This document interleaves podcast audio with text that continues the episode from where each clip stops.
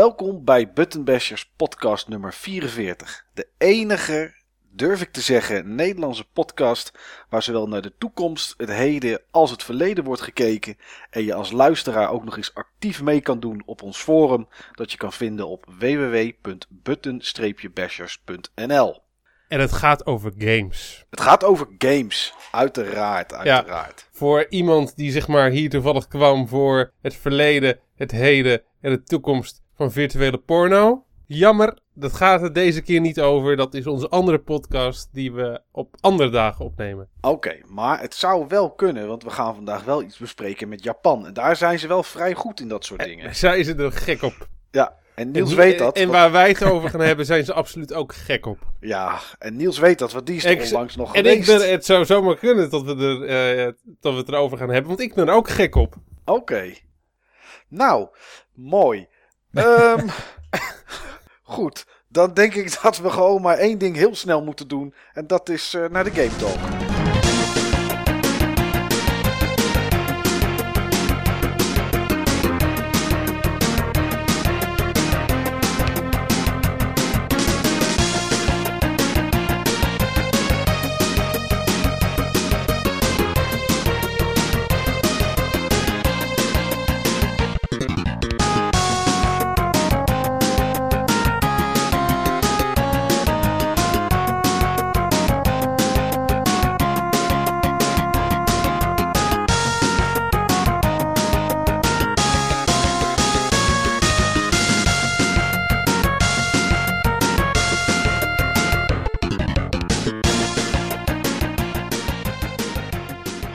Er is weer eh, een tijdje verstreken sinds onze laatste podcast. Nou, niet zo heel veel, een weekje of twee. Maar er is vast wel wat in gegamed eh, bij jou thuis, Niels.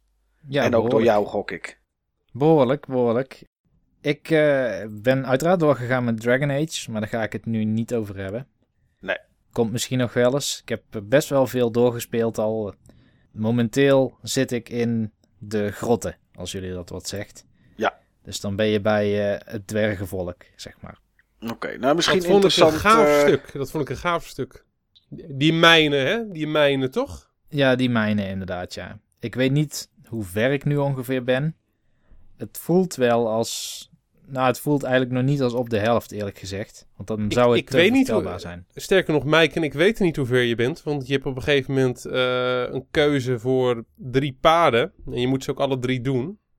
En eh, ja, ik weet niet welk pad je eerst ingeslagen bent. Je kan, eh, het, het middenstuk van het spel is niet lineair. Zoals veel, Oh, eh, zoals veel games van BioWare. Nou ja, misschien kunnen we het heel kort dan toch over Dragon Age hebben, want nou ben ik wel benieuwd. Ja, waar ben je dan benieuwd naar, Niels? Nou, als ik eh, kan samenvatten wat ik heb gedaan, dan kunnen jullie misschien wel een indicatie geven van hoe ver ik ben. Maar waarom zou je dat willen weten? Omdat het wel eens afgelopen mag zijn. Oké dan. Ja, dan moet je de game gewoon uitzetten als je het zat bent, Niels. Nee, ik ben het niet zat, ik ben het niet zat, maar ehm, Maar als er nu een einde aan komt, dan is het prima geweest zo. jawel. Ah, ik hoor het al, Oké, je bent een echte RPG-speler. Ja, vertel. Nou, inderdaad. Vertel, wat, wat is er allemaal gebeurd? Met, met wie heb je allemaal seks gehad in je party? Geen? Kan dat dan? In Dragon Age? Dat is de kern van Dragon Age. Daarom spelen mensen Dragon Age. Ja, Oh, ja, ik, heb, eh, ik had geen idee dat dat kon. Maar ik moet zeggen dat ik ook heel veel van Dragon Age gewoon niet doe. Omdat ik daar geen zin in heb. Ah, kijk, kijk. je haalt echt alles uit die titels, jij hè, Niels? Ja, ik, ik snap wel, ik snap wel waarom je de hele tijd aan het gamen bent. eh, Niels, echt genieten toch, dat gamen? Ja, Le- ik, Lekker ik- allerlei zaken overslaan, heerlijk. Cutscenes, muziek uit, eh, ziet de kleuren maar voor de helft. En als de, game, als de game je aanbiedt om iets te doen of wat dan ook, als extra content, dan denkt Niels, nou, screw dat, ik doe het niet. Nou ja, er zit zoveel van die lore en dingen die je kan lezen. En wat interesseert mij dan nou weer? Dus eh, dat zijn dingen die ik oversla. Ik heb pas zeer recentelijk geleerd om überhaupt te kijken wat mijn volgende quest is. Dat was omdat ik even vast zat in die stad Denerim. Toen had ik op het forum even om hulp gevraagd.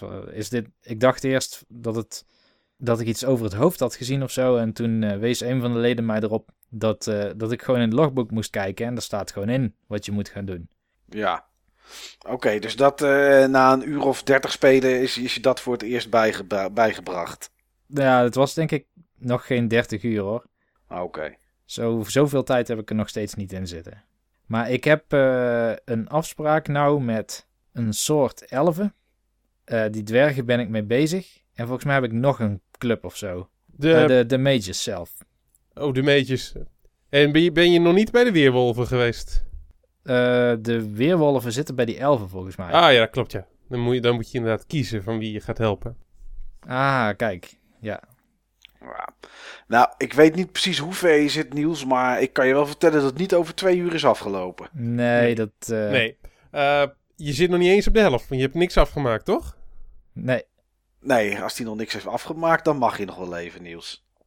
Oké. Nou, Nou, vertel dan maar snel wat over die andere games die je gespeeld hebt, want ik denk dat je er hier een beetje depressief van wordt. Nee, nee, nee. Ik vind het echt geen slechte game. We zullen, ik zal het er niet over hebben in de rest van de topic van vandaag. Maar ehm, nee, ik vermaak me absoluut wel met die game. Ah, oké. Nou, Alleen, eh, ik moest met mezelf even wel overeenkomen dat het een ander, andere game was dan ik dacht te gaan spelen. En dan kun je er op zich wel van genieten. Maar goed, ik heb ehm, direct na nieuwjaar ongeveer een aantal downloadable games aangeschaft. Eentje die jij ook hebt gespeeld, eh, Michael. Oké. Dat was eh, die Weapon Shop de Omasé. Oh ja, hoe vond je dat? Talig, behoorlijk talig. Ja, er zit een hoop tekst in. Het is een en al gelul eigenlijk, hè? Ja, ja, en dan wapens maken en kijken of je ze zo goed mogelijk kan maken. Ja, nou, ik vind dat wapens maken op zich wel leuk. Ehm, dat is eigenlijk een soort rhythm game. En, en je moet ook dingen proberen secuur en snel te doen. En ik vind op zich het idee wel leuk dat er een soort speakertje in, of een soort microfoontje dan in het wapen zit, waardoor je kan luisteren naar eh, wat avonturiers doen. Maar dat, eh, dat vonden de makers denk ik zo leuk dat ze echt ontzettend lange dialogen hebben geschreven. Die Ja. overigens wel grappig zijn, daar niet van. Nou ja, dat was wat ik er leuk aan vond. Eh, eh, hè, uit het oogpunt van een RPG-speler kom je natuurlijk normaal gesproken een winkeltje in, koop je een wapen, ga je weer weg. Ja. En, en nu krijg je een andere gezichtsveld te zien. Nu krijg je te zien wat degene die het wapen moet maken allemaal doorstaat. En eh, omdat er dan een speaker of een soort sensor of wat dan ook het is in het wapen zit, krijg je zeg maar de avonturen die je normaal in een RPG speelt, krijg je nu te lezen. En dan zie je dus inderdaad mensen die falen of die de verkeerde kant op lopen. Ja. en, en dat soort dingen. En ik vond, ja, voor zo'n een tussendoorspelletje vond ik het erg grappig. Ja, maar de, zeg maar, de verhouding actie staat tot tekst is eh 25 staat tot 75 of zo. Ja, dat is zo inderdaad. Maar ja, dat is, dat is het leven van een shopkeeper in een RPG natuurlijk. Blijkbaar, inderdaad. Ja, Goed, een andere downloadable title die ik heb gespeeld en ook heb uitgespeeld is de Starship Damray. die ken ik niet. Ook van die Guild-serie eh, die Level 5 heeft gepublished en komt uit dezelfde set eigenlijk als die Weapon Shop Deoma's. Oké. En ehm, dit is eigenlijk een titel, en ik ben, ik ben er nog steeds niet helemaal over uit wat ik ervan vind. Ondanks Ehm. dat je hem hebt uitgespeeld. Hoe lang heb je erover gedaan? 2,5 uur. Oké, dat is op zich niet heel lang. Nee, het is een vrij korte game. En het is een soort van adventure slash experience game. Het probeert echt een verhaal te vertellen. Nou, je weet hoeveel ik daarvan hou, van dat soort games. Ja, ja, is dat ook de reden dat je hem in 2,5 uur hebt uitgespeeld? Of eh, is dat inclusief verhaal? Dat is inclusief verhaal. Oké. Je, kan, je kan er niet echt omheen hier. Het spel wil eigenlijk niet dat je leest waar het over gaat van tevoren. Maar ik ga er toch iets over vertellen, want anders dan weet niemand of het iets voor hem of haar is. Oké. Eh, in de Starship Damray ontwaak je in zo'n eh, cryo chamber. Zo'n slaapcapsule, zeg maar. Ja. Alleen je kan er niet uit door een, eh, door een bug of door een fout in het OS. Oké. En jij kan via de computer proberen het OS te hacken. En op die manier krijg je toegang tot, zeg maar, maintenance robots die op, op het Starship rond kunnen rijden en werkzaamheden kunnen verrichten. En als maintenance robot krijg je dan eigenlijk een soort van first-person point-and-click adventure. Hmm. Dus het idee is dat je probeert om die persoon vrij te krijgen uit die capsule. Ja, Maar je krijgt ook steeds... Ja, er gebeuren wat rare dingen. Wat supernatural, beetje thriller, spaceachtige dingen. En ehm, je probeert natuurlijk ook erachter te komen wat dan daarmee aan de hand is. En er is duidelijk een soort threat. Een soort eh, alienachtige activiteit op het schip. oké, maar je speelt het dus eigenlijk die hele game als dat robotje die je hebt overgenomen via het, eh, het besturingssysteem. Ja, na de eerste 10 minuten dan. Oké, ja, precies. Het is zo'n adventure waarbij je niet een grote inventory hebt. Maar waar je steeds één item mee kan nemen om vervolgens ergens iets mee te doen. Oké. En kan je dan ook de verkeerde bij je hebben? Dat je weer terug moet en een ander op moet halen? Of heb je eigenlijk altijd de juiste? Ik had wel altijd de juiste. Ik weet niet of het mogelijk is om de verkeerde te hebben. Ik denk het eigenlijk wel. Maar het is een beetje Metroidvania-achtig ingedeeld. In dat jij in het begin maar in heel weinig kamers kan. En steeds meer delen van het schip unlockt. Ja, En eh, als je dat doet, dan kom je vaak een item. Meestal is het wel vrij logisch wat je met een item moet gaan doen. Oké. Het enige wat lastig kan zijn, is het item überhaupt te vinden, omdat je first person aan het rondkijken bent. En ja, soms mis je gewoon een belangrijk ding dat ergens ligt, omdat je daar net niet naar keek. Nee, oké. Als je normaal gesproken een, een adventure of point-and-click adventure speelt, dan heb je natuurlijk een overzicht van de hele kamer. Ja, En dan kan je natuurlijk wat makkelijker, eh, hoe heet het, wat makkelijker zien wat je moet hebben. Maar ja, uiteindelijk, het is maar een gamepje van 2,5 uur en het is geen slechte game. Het is ook niet een hele goede game of zo. Het is gewoon een soort standaard filler game. Ja, als je echt heel veel trek hebt in een adventure, die op zich redelijk goed geschreven is qua verhaal, dan zou dit in ieder geval die honger kunnen stillen. Maar eh, ja, het is geen meesterwerkje of zo. nee, oké. Leuk voor tussendoor eventjes. Ja, dus die. Eén titel waar ik de credits van zag en niet had verwacht, dus daar wilde ik ook nog even iets over zeggen, is Final Fantasy Theater Rhythm, Curt, wat was het? Theater Rhythm Curtain Final Call. Fantasy Curtain Call, inderdaad. Dat is eigenlijk een muziekgame. Ja, Gewoon een full price game. En er zitten meer dan 200 liedjes in van alle Final Fantasy games. Dus het is een soort fanservice game, zeg maar. Ehm, maar het is wel iets meer dan gewoon een collectie liedjes en een eh, rhythm game. Want je kan heel veel verschillende karakters uit allerlei Final Fantasies en spin-offs en zo kun je ook levelen en ehm, krachten toewijzen. Want elk level is ook meteen een ehm, soort mini-avontuurtje. oké. En eh, je hebt quests, lange, korte en middellange quests. En eh, dan moet je met jouw party, zeg maar, een aantal van die liedjes achter elkaar goed halen. En eh, je hebt liedjes die gaan over het exploren van de wereld. Je exploort niks, want ze lopen gewoon vanzelf. Maar je moet dan, tijdens dat die popjes lopen, moet je dan eh, eh, nootjes, zeg maar, aanvinken. Ja, muzieknootjes. Precies, en paden tracen. En je hebt eindbaasgevechten. Ja, en, en chocobo-event, zo, zeg maar, van die rare dingen. Maar ik wilde het toch maar eventjes noemen, omdat het toch een spel is waar ik ineens de credits van zag rollen. En toen keek ik in mijn, eh, wat is het, de, de log-functie van de 3DS. Ja, ja, ja, die activity log van je 3DS. Activity log, inderdaad. En toen had ik er toch 15 uur ingestoken. Oké. Dus dat is best wel fors. Meer dan je eigenlijk van te, ongemerkt, zeg maar. Ongemerkt, inderdaad. Oké. Dus, En maar heb ja, je dan alle 200 liedjes gespeeld in die 15 uur? Nee.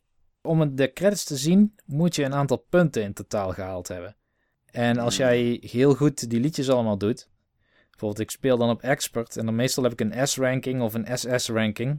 Maar als je dat steeds haalt, dan ga je wel heel snel veel punten accumuleren. Ah, oké. Dus des te, des, des te beter je bent in de game, des te sneller je hem hebt uitgespeeld. Ja. En eh, ja, een ander ding waarom ik het ook wilde noemen is omdat onlangs dus een Dragon Quest versie is aangekondigd. Ook met die thea- Theater Rhythm formule. En ik vroeg me daar wel bij af hoe interessant dat was ten opzichte van Final Fantasy. Want ja, deze aflevering gaat over RPG's, dus daar komen we misschien nog wel een keer op terug.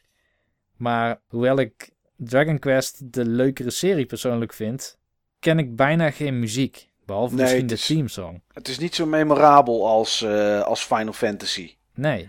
En ik denk ook voor het grote publiek minder interessant. Want Final Fantasy, dat kent iedereen wel. Tenminste, het gros. Ja. Maar Dragon Quest is toch wat, eh, ja, toch wat minder bekend. Dus daar ga ik de kat uit de boom kijken. Ja, eh, dat begrijp ik wel. Sowieso, Final Fantasy muziek ligt, ja, heeft veel meer genres. Die heeft orchestrale muziek en, en techno en metal en alles door elkaar. Maar Dragon Quest is Ja. bijna allemaal klassieke muziek. Nou ja, ik zou ook niet zo een liedje kunnen neurien. Nee, Oké, nou ja, dat is. eh, enige, is er al iets van een release datum bekend? eh, niet dat ik weet. Voorlopig is het ook Japan only volgens mij. Ah, oké. nou, misschien blijft het ook wel daar. Ja, inderdaad. Er is nog één game die ik wil belichten. Ik speel sinds een week nu ongeveer Ingress. Ik weet niet of iemand van jullie dat kent. Het zegt me helemaal Ik, niets. ik niet. Het is eh, die ehm, pervasive game van Google. Het is een Google startup game. Oh ja, dat, eh, is, dat, eh, is dat die game dat je zeg maar punten moet eh, verdienen in steden en zo? Of is dat iets heel Precies. anders? Ja, het is, heel, het is een beetje meta omschreven zoals je het nu doet. Ja. Maar het is wel inderdaad zo'n spel wat zich in steden afspeelt. Ik weet helemaal niet waar het over gaat, joh. Oké, dan moet je eh, doen? geef ik een korte Dan, pitch. dan moet je naar buiten en zo, eh Mike. Dat is ook helemaal niks voor Huh? jou. Nou, eh, wat een stom spel zeg. Ja, Google Ingress is een game voor je mobiele telefoon. En het werkt volgens mij op Windows Phone, Android en Apple. En volgens mij is het ook op al die platformen gratis. En wat je doet, het is een soort territory control game. Er zijn twee teams wereldwijd. Een blauw team, die heet The Resistance. En een groen team, en dat heet The Enlightened. En er zit een soort verhaaltje achter, wat ik dan voor de grap net maar eventjes heb opgezocht, zodat ik er iets over kon vertellen. Maar blijkbaar is er een eh, nieuw soort deeltje ontdekt. Exotic matter wordt het genoemd. En dat hoopt vaak samen bij kunst. Bij bijvoorbeeld standbeelden of eh, oude gebouwen, mooie architectuur, eh, dat soort dingen, fonteinen. En de twee teams, het ene team, die wil die exotic matter, zeg maar, decoden. Om te kijken of dat je daar de mensheid van kan verbeteren. En het andere team, die vreest meer die exotic matter op een bepaalde manier. Want die denkt dat je daarmee het laatste stukje mensheid kwijtraakt. Oké. Nou, en wat je eigenlijk doet is eh, bij ongeveer elk standbeeld, in ieder geval in mijn omgeving, en het wordt bijna wereldwijd gespeeld. En ik eh, kan bij de Intel van eh, de Ingress site kun je zien real-time hoe het er in de wereld voor staat. Dus je ziet die twee teams, blauw en groen, en welke steden zeg maar overwegend welke kleur hebben. Eh, het wordt niet in veel landen van Afrika gespeeld, maar over bijna de rest van de wereld wel. Hebben ze daar geen kunst? Misschien is dat. En Antarctica, ja, die hebben, die hebben natuurlijk ook geen. eh, Die hebben misschien sneeuwpop-statues of zo. ja, maar ja, die smelten dan weer natuurlijk. Dus Ja. daar heb je niet zoveel aan. Daar houdt het snel op natuurlijk. Maar goed, eh, elk kunstwerk heeft dus een soort portal. En die portal die kun je capturen voor jouw team. En als je dat doet, dan heb je dus meer influence, zeg maar, in, in die regio. Dus om maar wat te noemen, ik woon heel dicht bij een park. Daar staan drie standbeelden in. Dat zijn ook alle drie portals. Oké. En ehm, die kun je hacken. En door te hacken krijg je resources. En eh, resources is niet net zo van die materialen, zeg maar, zoals bij Destiny, waar je dan vervolgens weer iets van moet maken. Maar resources zijn guns en eh, schilden, power cubes en resonators. Wat ik zo wel even uitleg en dat soort dingen. En ehm, meestal zijn alle portals al bezet. Of van jouw team of van het tegenstandersteam. Als het van de tegenstander is, dan kun je die aanvallen met wapens. Die heten XMP bursters meestal. En om een voorbeeld te geven, ik heb vandaag, toen ik ehm, na mijn werk ging, kom dan langs een gebouw van de EO, de, de Evangelische Omroep.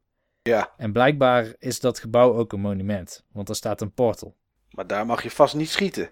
Die is van het andere team, maar ik kan er natuurlijk wel op schieten, want het is een, altern ja, een alternate reality game.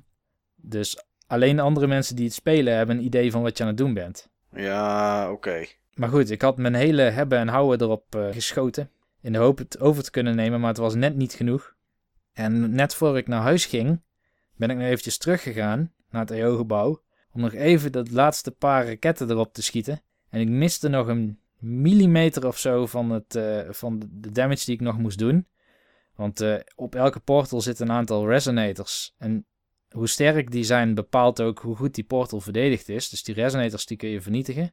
En als de laatste resonator eraf is, dan is de portal vrij en kun je zelf resonators erop plaatsen, waardoor de portal van jou wordt. Maar er was één ding. Ehm, ik had geen energie meer om mee te schieten. En toen ben ik werkelijk waar gerend naar het perron, waar ook een kunstwerk staat. En terug om eh, zeg maar eerst energie op te laden. Toen heb ik wel die portal overgenomen, maar toen heb ik mijn trein gemist. Nou, En dat soort dingen maak ik dus steeds mee. eh, Niels, ik kan van heel veel games kan ik begrijpen wat er leuk aan is. Ja. Maar in dit geval kan ik het heel slecht. Wat is, wat is hier nou leuk aan? Dat je gaat rennen, je trein mist. eh, Ja, wat is hier nou leuk? Ja, het is een goede vraag. Ehm, er zit ook weer zo'n level systeem achter natuurlijk als bij Destiny. ja, Dus je wordt steeds beter, je krijgt steeds betere equipment, waardoor je steeds betere portals weer kan overnemen. Maar het idee dat, dat er een soort parallele werkelijkheid is, waar je iets mee kan doen, heb ik altijd al grappig gevonden. Oké. En nu is het nog dat het ook nog eens een, een wereldwijde teamgame is. Waarbij je samenspeelt met allerlei mensen die je of al misschien kent. Ik ken dan toevallig één iemand die het speelt, die ken ik. Of het zijn allemaal onbekenden. En dan krijg je van die rare dingen als die ik op het eh, station van Den Bosch bijvoorbeeld had. Daar was ik zeg maar vrij discreet vanuit eh, de Starbucks eh, een raam aan het overvallen. Want het raam is blijkbaar ook een kunstwerk. En eh, dan krijg je ook berichten van het andere team van een of andere apenhul zit onze portal te beschieten. En dan gaan ze je zeg maar zoeken. En dat is grappig. Is het- en komen ze dan echt opzoeken en je voor je bek slaan? Is het een soort Watch Dogs? Nee, Of- nou, of- hey, dat heb je een goeie. Het is eigenlijk een, het, het is een soort watchdogs. Maar dan zonder die politie en het geweld, zeg maar. Ja, ja, ja, ja. Iemand anders krijgt het bericht dat jij aan het, aan het invaden bent. En dan. eh, En, en, Ja. hierbij, en bij deze game zijn de graphics wel levensecht, omdat het ook het echte wereld is. Ja. Precies. Maar ik krijg dus regelmatig ook een bericht dat een of ander ding, een portal van mij, wordt aangevallen. En je krijgt dan ook de naam te zien van welke speler dat dan doet. Ja, en dan kun je er naartoe lopen eventueel. En het grappige is dat eh, vaak zie je mensen met een mobiele telefoon bij een kunstwerk staan, maar die zijn niet aan het bellen. Ze zijn ook geen foto's aan het maken. Ze zijn niks aan het opzoeken en ze zijn duidelijk ook niet aan het typen. De kans is vrij groot dat het een Ingress-speler is. Want die zijn er echt heel erg veel, heb ik gemerkt. Oké, Google Ingress heet het. Google Ingress. Nou, ik eh, ga het eens installeren. En als er een kunstwerk binnen een straal van 300 meter is, wil ik er nog wat mee doen. Maar Kijk dat. maar of het wat is. Ja, Google Ingress. Oké. Ja, Steve. Heb jij ook eh Google Ingressed? Of zoiets? Nou, een vriend van me speelt het ook, die is er heel fanatiek in. Echt Die waar, kom ja? ik, die, ja, ja die, kwam, die kom ik soms tegen op hele rare plekken in Gouden in de buurt. En dan staat hij ergens met zijn mobiele te- telefoon. En dan vraag ik, wat ben jij nou hier aan het doen? Wat doe je hier nou? En is hij ook zeg maar hetzelfde als Niels, gewoon ergens gewoon iets aan het veroveren. Dan rijdt hij ergens naartoe met, op zijn fietsje, waarvan hij weet waarbij hij een goede kans maakt om te veroveren. Oké, en dan gaat hij raketten afschieten op een raam van een eh, Starbucks. Bijvoorbeeld. Ja. nou ja, het is, eh, ik vind het vrij magisch. Maar jij hebt dat dus niet gedaan, Steve. Nee, man. Nee, dat dacht ik wel. Daar ben jij misschien net iets te nuchter voor. Nou, laat ik het zo zeggen. Ik eh, ken mezelf en jullie kennen me ook wel. Ik ben altijd heel verslavingsgevoelig eh, qua sommige dingen. En ik, ik heb er niet zo zin in dat ik dan straks in de stromende reden, regen elke avond heel Gouda af moet om daar zeg maar random dingen te bestoken. Nee, misschien, misschien moet je dat inderdaad niet doen. Nee, eh, als ik zeg maar toch elke avond naar buiten wil, dan neem ik wel een hond. Dat is dan wel het prettigst. Maar wat heb je dan wel gespeeld, Steve? Nou, ik ben helemaal trots op mezelf. Ik heb iets anders gespeeld dan Destiny. Maar nee, ik denk, denk, denk toch dat het toch anders is, Steve. Jij hebt ook iets anders gespeeld dan Ja, Destiny. ik heb ook iets anders gespeeld dan Ja, Destiny. precies. Jij wilde ons iets moois op de mouw spelden, wat eigenlijk niet klopt.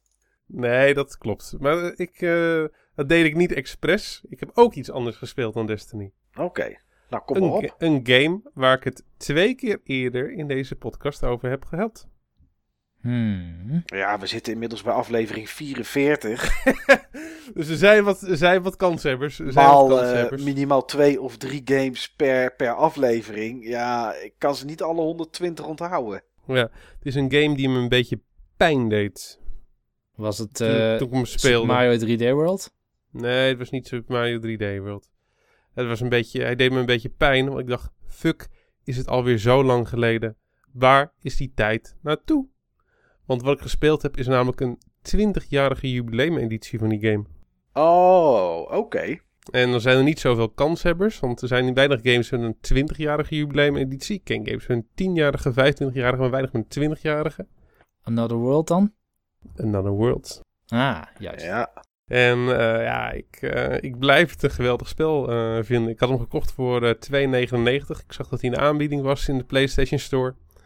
En ehm, ik, ging, ehm, ik ging hem eventjes eh, spelen om gewoon te kijken van wat ze allemaal veranderd hadden en hoe die zich hield op eh, de PlayStation 4. En een uur later had ik hem bijna uitgespeeld. Dat gaat hard. Ja, maar ik weet ook precies wat ik doen moet en zo. Dus ik zit nu wel zeg maar, op een stuk waar ik altijd moeite mee heb. Maar ruim naar de grotten. Maar dat komt goed. De Ja. volgende keer, de volgende keer dat ik ga spelen ook maar uitgespeeld. Dan heb ik direct ook alle trophies. Oké.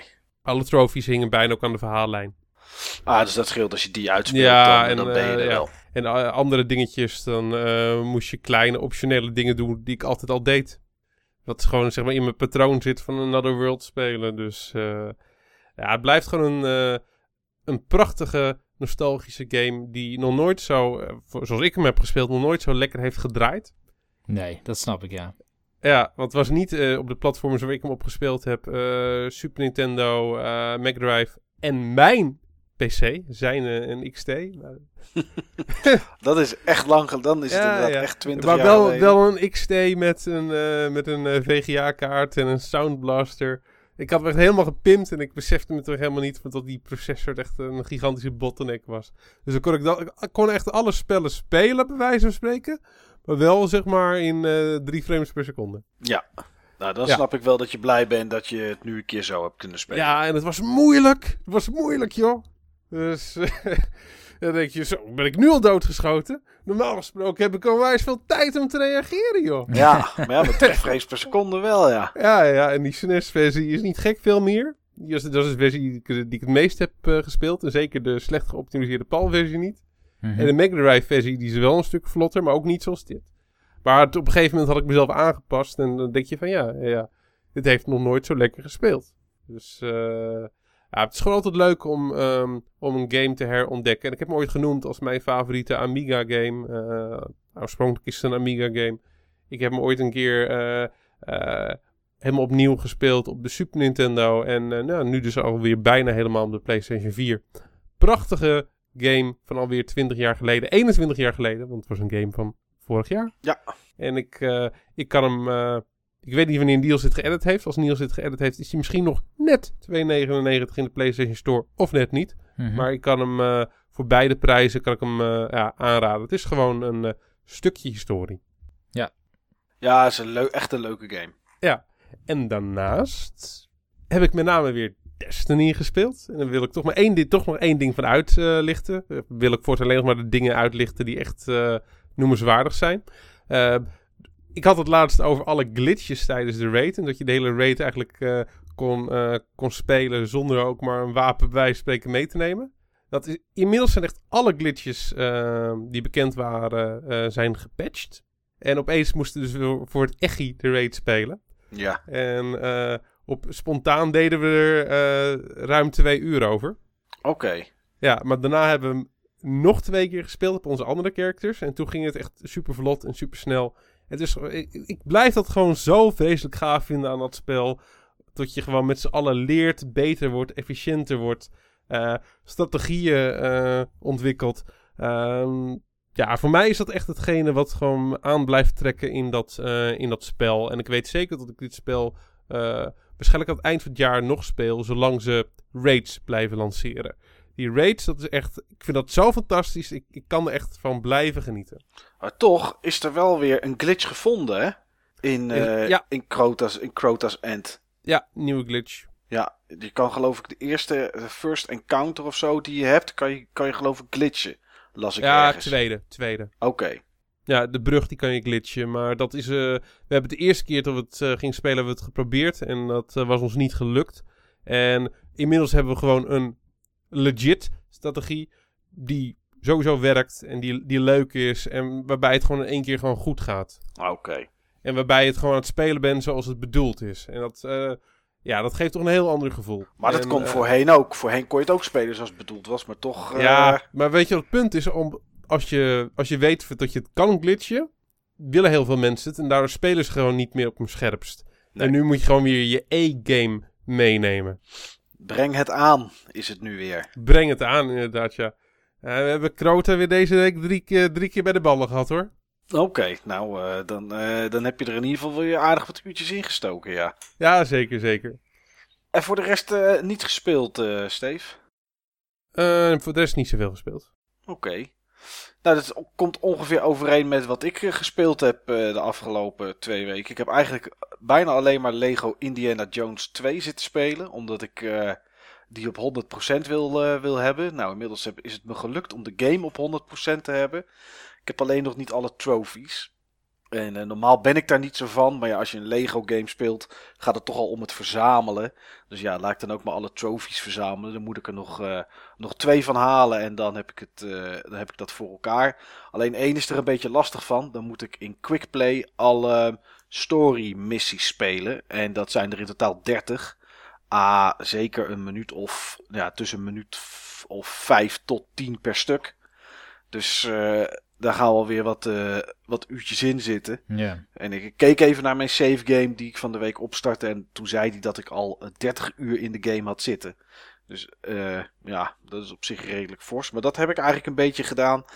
En ik heb weer eens een, eh, een oude klassieke game opgestart. En dat was een game die ik niet had. En een tijd geleden zat ik met een kameraad eh, bij mij op zolder. En toen waren we Commodore 64 games aan het spelen. Tenminste, we waren eigenlijk meer op zoek naar titels die we, die we kenden van vroeger. Ehm, en er was één game die we graag wilden spelen, maar ja, ik, ik had hem gewoon simpelweg niet. In de tijd van de Commodore 64 had iedereen natuurlijk gekopieerde diskettes. Dus eh, ik heb nog hele bergen van die diskettes liggen en da- daar zat hij niet tussen. En prompt had die kameraad hem van mij op eBay besteld, omdat het zo'n klassieker was. En dat is de game Hero. Ik weet niet of één van jullie twee die game kent. Nee, nooit van gehoord. Ik ook niet. Nee, nou, Hero is. ehm, ja, ik weet eigenlijk niet zo goed waar je het mee zou kunnen vergelijken. Misschien een beetje met Slime World van de Atari Lynx. Daar zou je het misschien een beetje mee kunnen vergelijken. Het is een game van, eh, van Activision.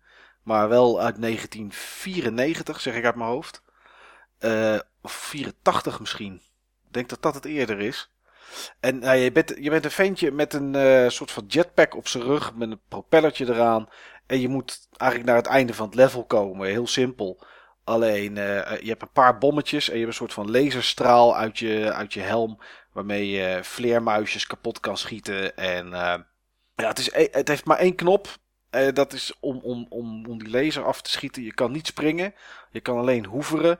En de truc is dat op het moment dat je je joystick, want je speelt het met een joystick uiteraard, naar boven duwt om te gaan vliegen, dat er even vertraging in zit. En dat maakt, eh, het, dat maakt de game zeg maar lastig. Omdat je plekken hebt waar je niet kan lopen, waar water is en waar het plafond heel laag hangend is. En daar dan eh, tegenstanders eh, zwerven. En die moet je dan kapot schieten. Het is echt een heel simpel spelletje. Er zitten 20 levels zitten er ook maar in. En eh, afgelopen weekend heb ik hem eventjes opgestart op cassette. Dus dat duurde ook nog eens lang voordat het ding ingeladen was. Ik heb ongeveer drie minuten zitten wachten voordat ik kon spelen. Ehm, en ik ben in ieder geval tot en met level 10 alweer eh, gekomen. Dus eh, dat moet ik binnenkort nog maar eens even uitspelen. En als je goed je best doet en je weet waar je heen moet, kan het ook gewoon binnen een kwartiertje tot 20 minuten. Maar dat is natuurlijk sowieso iets wat, eh, wat in die tijd van games wel heel erg gebruikelijk was. Net zoals Another World. Ja, nou ja, en, en allerlei andere games. Want wat ik eigenlijk het meeste heb zitten doen de afgelopen week is eh, kijken naar eh, Awesome Games Done Quick. Waarbij eh anderhalf miljoen dollar werd opgehaald, of 1,6 miljoen inmiddels. Had ik, had ik begrepen. En ja, dan zit er eigenlijk weinig gamen zelf in. En zit ik meer naar speedruns te kijken. dan dat ik, zelf iets, dat ik zelf iets aan het spelen ben. Maar dat is ook vrij ontspannend. Dus ik heb wel een hoop games gezien. Maar eh, iets minder gespeeld de afgelopen tijd. Waren er voor jou nog hoogtepuntjes in deze Awesome Games Done Quick? Ehm, Ja, er waren wel een aantal. Wat ze dit keer heel veel deden, waren uh, races waarbij ze twee of drie of soms vier speedrunners tegelijkertijd uh, neerzetten. En die allemaal dezelfde game lieten spelen en kijken wie er het, wie er het snelst was. er zijn een aantal dingen die ik gemist heb die ik had willen zien. Maar ehm, ja, wat ik altijd erg gaaf vind om te zien zijn bijvoorbeeld dingen als Super Monkey Ball. Waarbij uh, als je het zelf speelt, de klok nog wel eens op je zenuwen kan werken. En zoiets uh, heeft van, oh, ik heb maar 60 seconden. En je die gasten vanaf het begin af aan gas ziet geven en door de lucht vliegen. En dat maakt, dat maakt het spectaculair. En dan, ja, dat heeft voor mij toch iets meer skill dan iemand die ergens tegen een muurtje aan gaat staan rijden, drie keer springt en dan door, de, door een muur heen glitcht. En daarna naar de andere kant loopt en precies weet hoe die een eindbaas moet verslaan. Uh, door er tegenaan te gaan staan, zodat die kogels allemaal over hem heen vliegen en dan een beetje op een knopje ramt.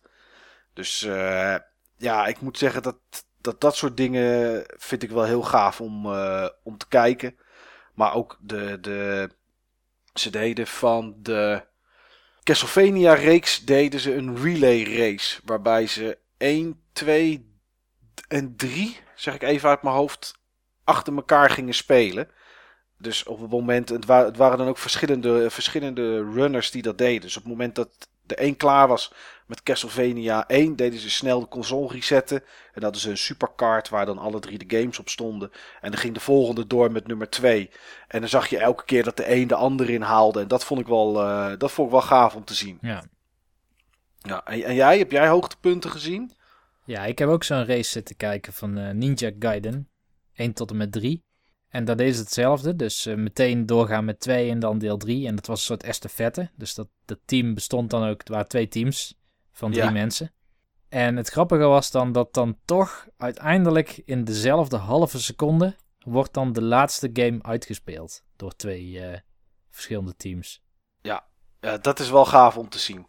Ja, en wat ik ook wel gaaf vond, deze Awesome Games Done Quick, sowieso waren er minder bekende gezichten die, er, die gingen runnen. Het waren ook veel nieuwe mensen. Ja, dat viel mij ook op. Dat inderdaad, uh, je verwacht een heleboel bekende namen en nou ja, dan vooral gezichten. Van die je uit voorgaande jaren voorbij hebt zien komen, zeg maar. En, uh, en die waren er nu inderdaad niet. Nee. Je had nu wel twee Nederlanders ook die meededen. Ja, de een deed Shovel Eentje heeft heel goed gedaan met Shovel Knight, volgens mij. Ja, die Marcel van Duin. Oké, ja, die deed, die deed Shovel Knight. En uh, was er een F-Zero of zo die door een Nederlander gerund werd? Ja. Ja. Ja, Shovel Knight heb ik ook helemaal zitten kijken. Ik vond het ook wel leuk dat de mensen van, uh, van het team dat Shovel Knight gemaakt heeft bij zaten. Oh, zaten die op de bank? Ja, die zaten op de bank en oh, die gaven ook uh, commentaar over dat sommige dingen ook bedoeld waren om te, om te speedrunnen. Maar dat speedrunners ook gewoon nieuwe manieren laten zien om dingen te doen. En ja, dat vond ik uh, vanuit een game design oogpunt wel interessant om ook te horen. Ja. ja, ik heb één race gezien en ik weet even niet meer welke het was. Het was een of andere indie game en daar hadden ze ook de developer aan, uh, aan de lijn via Skype. En wat ik erg mooi vond was dat, uh, dat een van de mensen op de bank met de microfoon allerlei vragen gingen stellen. Van joh, wat was de gedachte achter, achter deze keuzes die je hier maakte om dit zo te designen? En bijna op al dat soort diepere vragen. Waarbij mensen iets hebben van indie games. Er zit één iemand achter met een gedachte. En die probeert. Uh, die probeert zijn gedachten goed over te brengen. Was deze kerel eigenlijk zijn standaard antwoord. Ja, dat weet ik eigenlijk niet. Dat heb ik gewoon zo gedaan. Ach, ja. dat, dat vond ik wel erg goed. Ja, want toen je dit level uh, designde, wat was toen uh, het gevoel dat je erbij had? Wat wilde je overbrengen?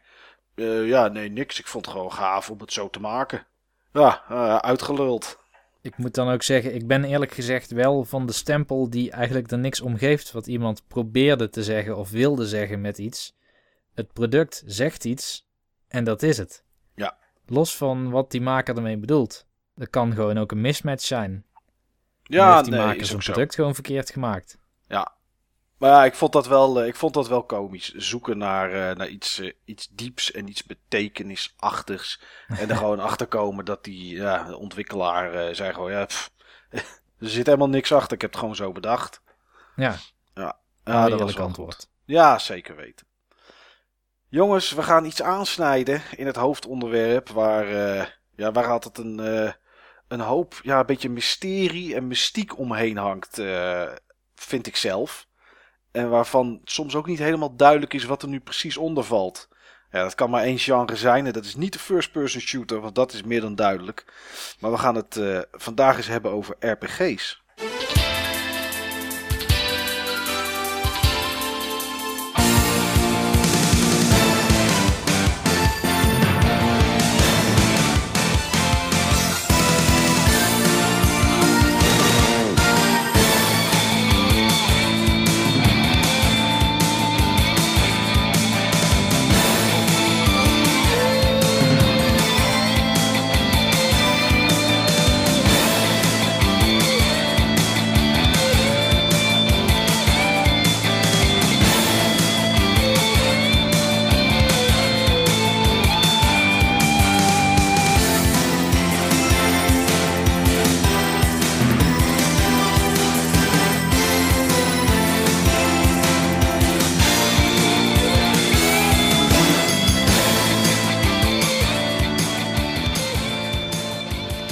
Ja jongens, we gaan het hebben over RPG's. En in aanloop naar deze aflevering uh, ja, ga je toch een beetje, beetje zitten kijken en zitten lezen.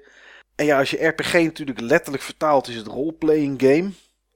Um, eigenlijk moet je tegenwoordig zeggen CRPG. Een computer roleplaying game. Omdat uh, het, het LARPen, het uh, live action roleplaying uh, natuurlijk...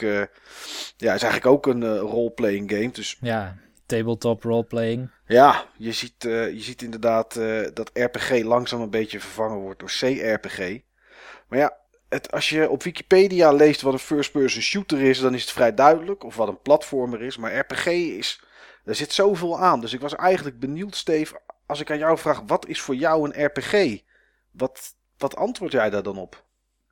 Een game met een diepe verhaallijn.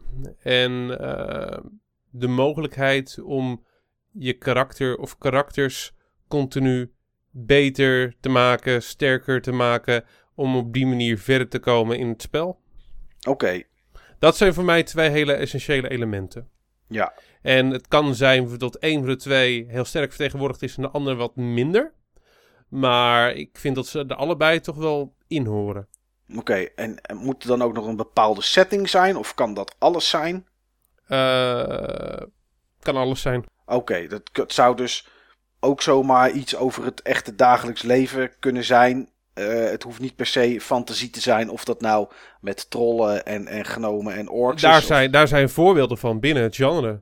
Gewoon die zich niet afspelen in een fantasy of science fiction uh, setting. Ja, precies. Maar het is niet. Dat... zijn wel de twee meest voorkomende settings. Maar dat, dat zijn voor mij niet settings waarin zo'n game zich per se af moet spelen. Nee. Oké. En jij, Niels? Zijn er dingen waarvan je zegt van voor mij moet dit aanwezig zijn, anders kan ik het geen RPG noemen? Ja, Michael, ik heb hier zo lang over na zitten denken vandaag. Ja. Ik heb uh, denk ik zeker twee uur gezocht naar wat nou precies een RPG is. En over na zitten denken van allerlei perspectieven. Um, het gekke is, ik speel ook andere vormen van de RPG. Dus ik doe ook tabletop. Ik speel sinds kort ook uh, de Star Wars Edge of the Empire roleplaying game. Dat is met zo'n boek en met van die dobbelstenen en zo erbij. Ja, net zoals uh, Dungeons and Dragons en dat soort dingen. Dobbelstenen met de twintig kanten en dat soort grappen. Precies. Ja. En uh, ik probeer dus dat te matchen dan met wat ik zie in uh, computer RPG's. En dat was dan vroeger heel makkelijk. Want dan, je had dan bijvoorbeeld die Baldur's Gate serie. Ja. Die leende daadwerkelijk dat uh, Dungeons and Dragons systeem met stats. En uh, skill checks, zoals die dan noemen. Dus je hebt een bepaalde skill en dat is uitgedrukt in een getal. Bijvoorbeeld je attack is 32. Dat kan dan iets met damage doen bijvoorbeeld. Of je strength is uh, 20 en jouw zwaard, daarvoor heb je 22 nodig. Dus dat zwaard kun je nu nog niet gebruiken. Dat zijn dan die skill checks. Ja, dat zag je toen in die games heel duidelijk doorgetrokken worden. Alleen als ik nu ga kijken naar een game en ik vraag me dan af, ja, wat zit hier dan echt aan roleplaying in? Uh, als ik denk aan roleplaying, dan denk ik aan uh, dat je in een fictieve wereld een andere rol aanneemt dan die je zelf eigenlijk bent. Ja. Bijvoorbeeld in een fantasywereld of zo ben je dan een mage. En als ik me voorstel dat ik een mage ben in zo'n tabletop roleplaying game, daar heb je ook wel skills. Dus er staat dan dat een mage bijvoorbeeld hoog scoort op intelligence, maar laag op, op strength. Dus ik zal nooit grote wapens op kunnen pakken. Die keuze heb ik niet.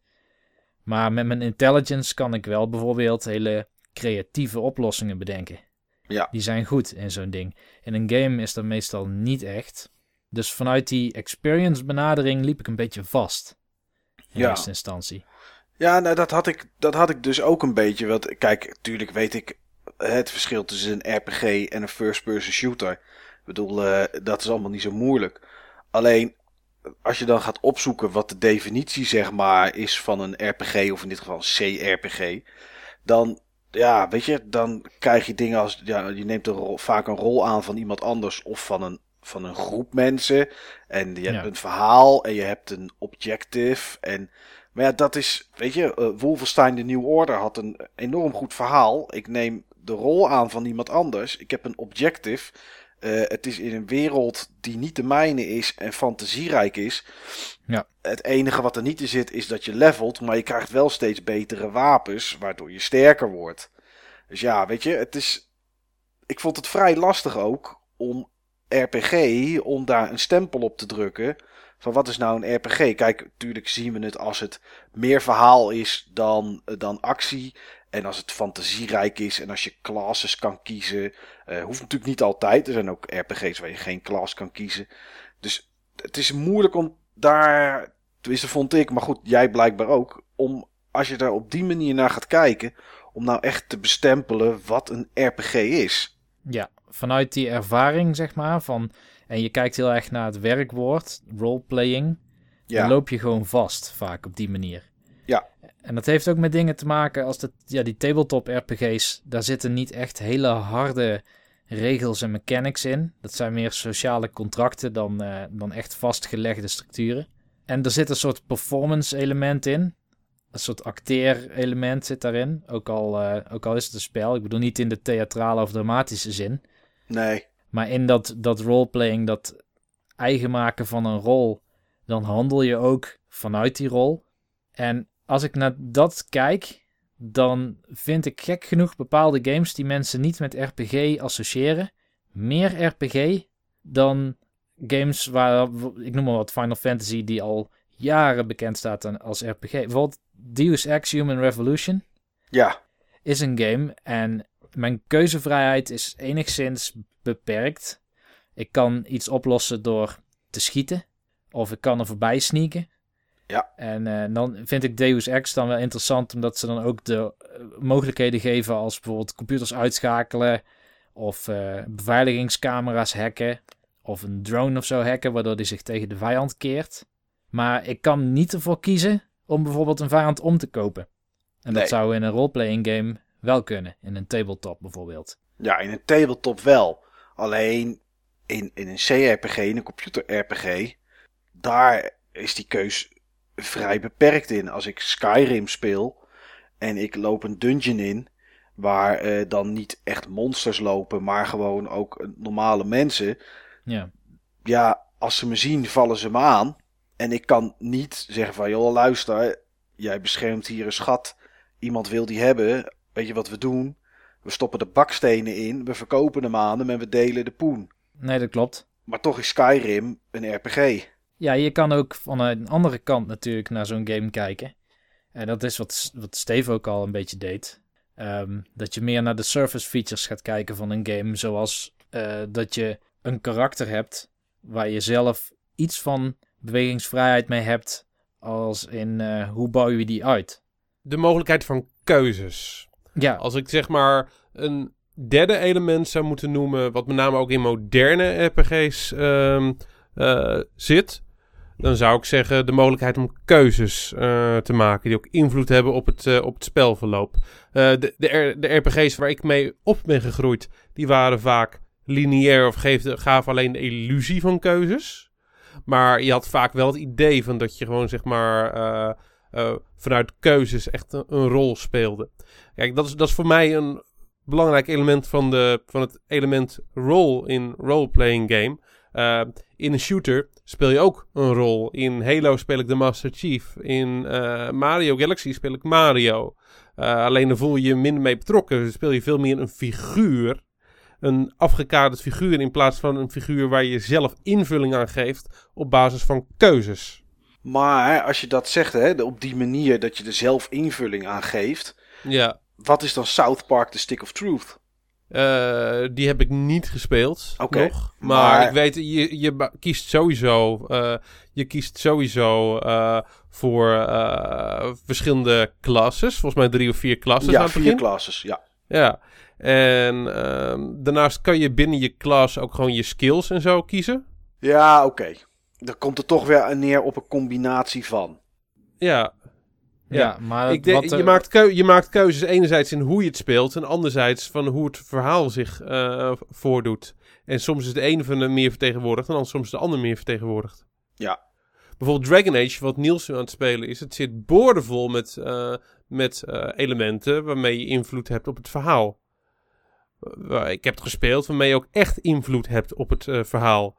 Waarmee, uh, waarmee uh, de endgame ook daadwerkelijk anders is. Waarbij uh, de personen met wie je zeg maar daar voor het laatste gevecht staan, gewoon totaal anders kunnen zijn. Ja. Je kan daar bij wijze van spreken met twee man en een paardenkop terechtkomen. Ja, als je het... Als je... Met, met alle gevolgen van dien. Uiteraard. En wat ik ook goed vind bij Dragon Age, dat hebben veel RPG's, maar lang niet alle. Dat is dat als jij zo'n keuze maakt, er zitten ook concessies aan. Bij Dragon Age, als ik bijvoorbeeld die mage ben, dan kan ik me richten op, um, op entropy skills. Het gaat dan ten koste van herbalism of ik noem maar wat. Ik kan niet alles als mage. Ik moet ook keuzes maken daarin. Ja. Nou goed, misschien komen we daar zo nog wel, uh, wel even verder op. Um, wat ik nog meer eigenlijk tegenaan liep toen ik, uh, toen ik aan het zoeken was naar uh, wat men nou eigenlijk onder een RPG verstaat, is dat het natuurlijk ook tegenwoordig verschillende types RPG's hebben. Vroeger was het gewoon een RPG, punt. Uh, tegenwoordig heb je de, de, JRPG als het uit Japan komt. Uh, de WRPG als het iets westers is. denk aan een Mass Effect, Skyrim of, of South Park of wat dan ook. Dragon Age. Dan heb je nog de, de ARPG, de Action RPG. En je hebt natuurlijk de MMO RPG. Ja. Alleen toen ik daar zat te lezen en, en, en dacht van oké, okay, ARPG, Action RPG, is dat dan misschien Zelda? Is Zelda een Action RPG of moeten we dat gewoon een Action Adventure noemen? Want ja, je hebt wel. Ik vind Zelda persoonlijk geen zins een RPG. Ik vind dat een adventure met RPG-elementen. Maar ik vind dat je, uh, dat je heel weinig controle hebt over, uh, over je karakter. Ja. Je, je verzamelt dingen en aan het eind van het spel heeft iedereen dezelfde link. Als je alles hebt gedaan. Ja, de ontwikkeling wordt door het spel bepaald. Ja. Ja, maar zouden we dat ook gezegd hebben eh, van de eerste Legend of Zelda? Ik zeg het nu over de eerste Legend of Zelda. Ja, nu, met wat je nu weet. Maar in die tijd. Want toen wisten we ja, nog niet ik, beter. Ik, ik, kende, ik kende toen dat onderscheid uh, RPG en Action Adventure überhaupt uh, veel nee, okay. goed. Ja. En uh, ik kom sowieso bij een uh, console vandaan. Ik ben, kom, uh, van, kom vanuit de consolehoek. En ja, je had gewoon niet zoveel RPG's in de 8-bit tijd. Die ook daadwerkelijk bij jou of je vriendjes lagen. En ja, voor mij was een Zelda ook gewoon een goede kennismaking. Met meer diepgaande spelelementen. Die ook vaak in een RP, in een RPG vindt. Een grote speelwereld uh, die je zelf moet ontdekken. Uh, heel veel verschillende soorten wapens. Moeten nadenken over puzzels. Maar dat, dat zijn elementen die naar mijn gevoel het RPG-genre deelt met het action-adventure genre. Ik zie wezenlijke verschillen. Het feit van dat je echt gewoon dat veel meer neerkomt op actie in, um, in de gameplay, plus alle dingen die ik net noemde. Ja, en tegenwoordig ja. heb je ook veel, uh, veel RPG's, echt, echt RPG's, die qua gameplay meer leunen op actie.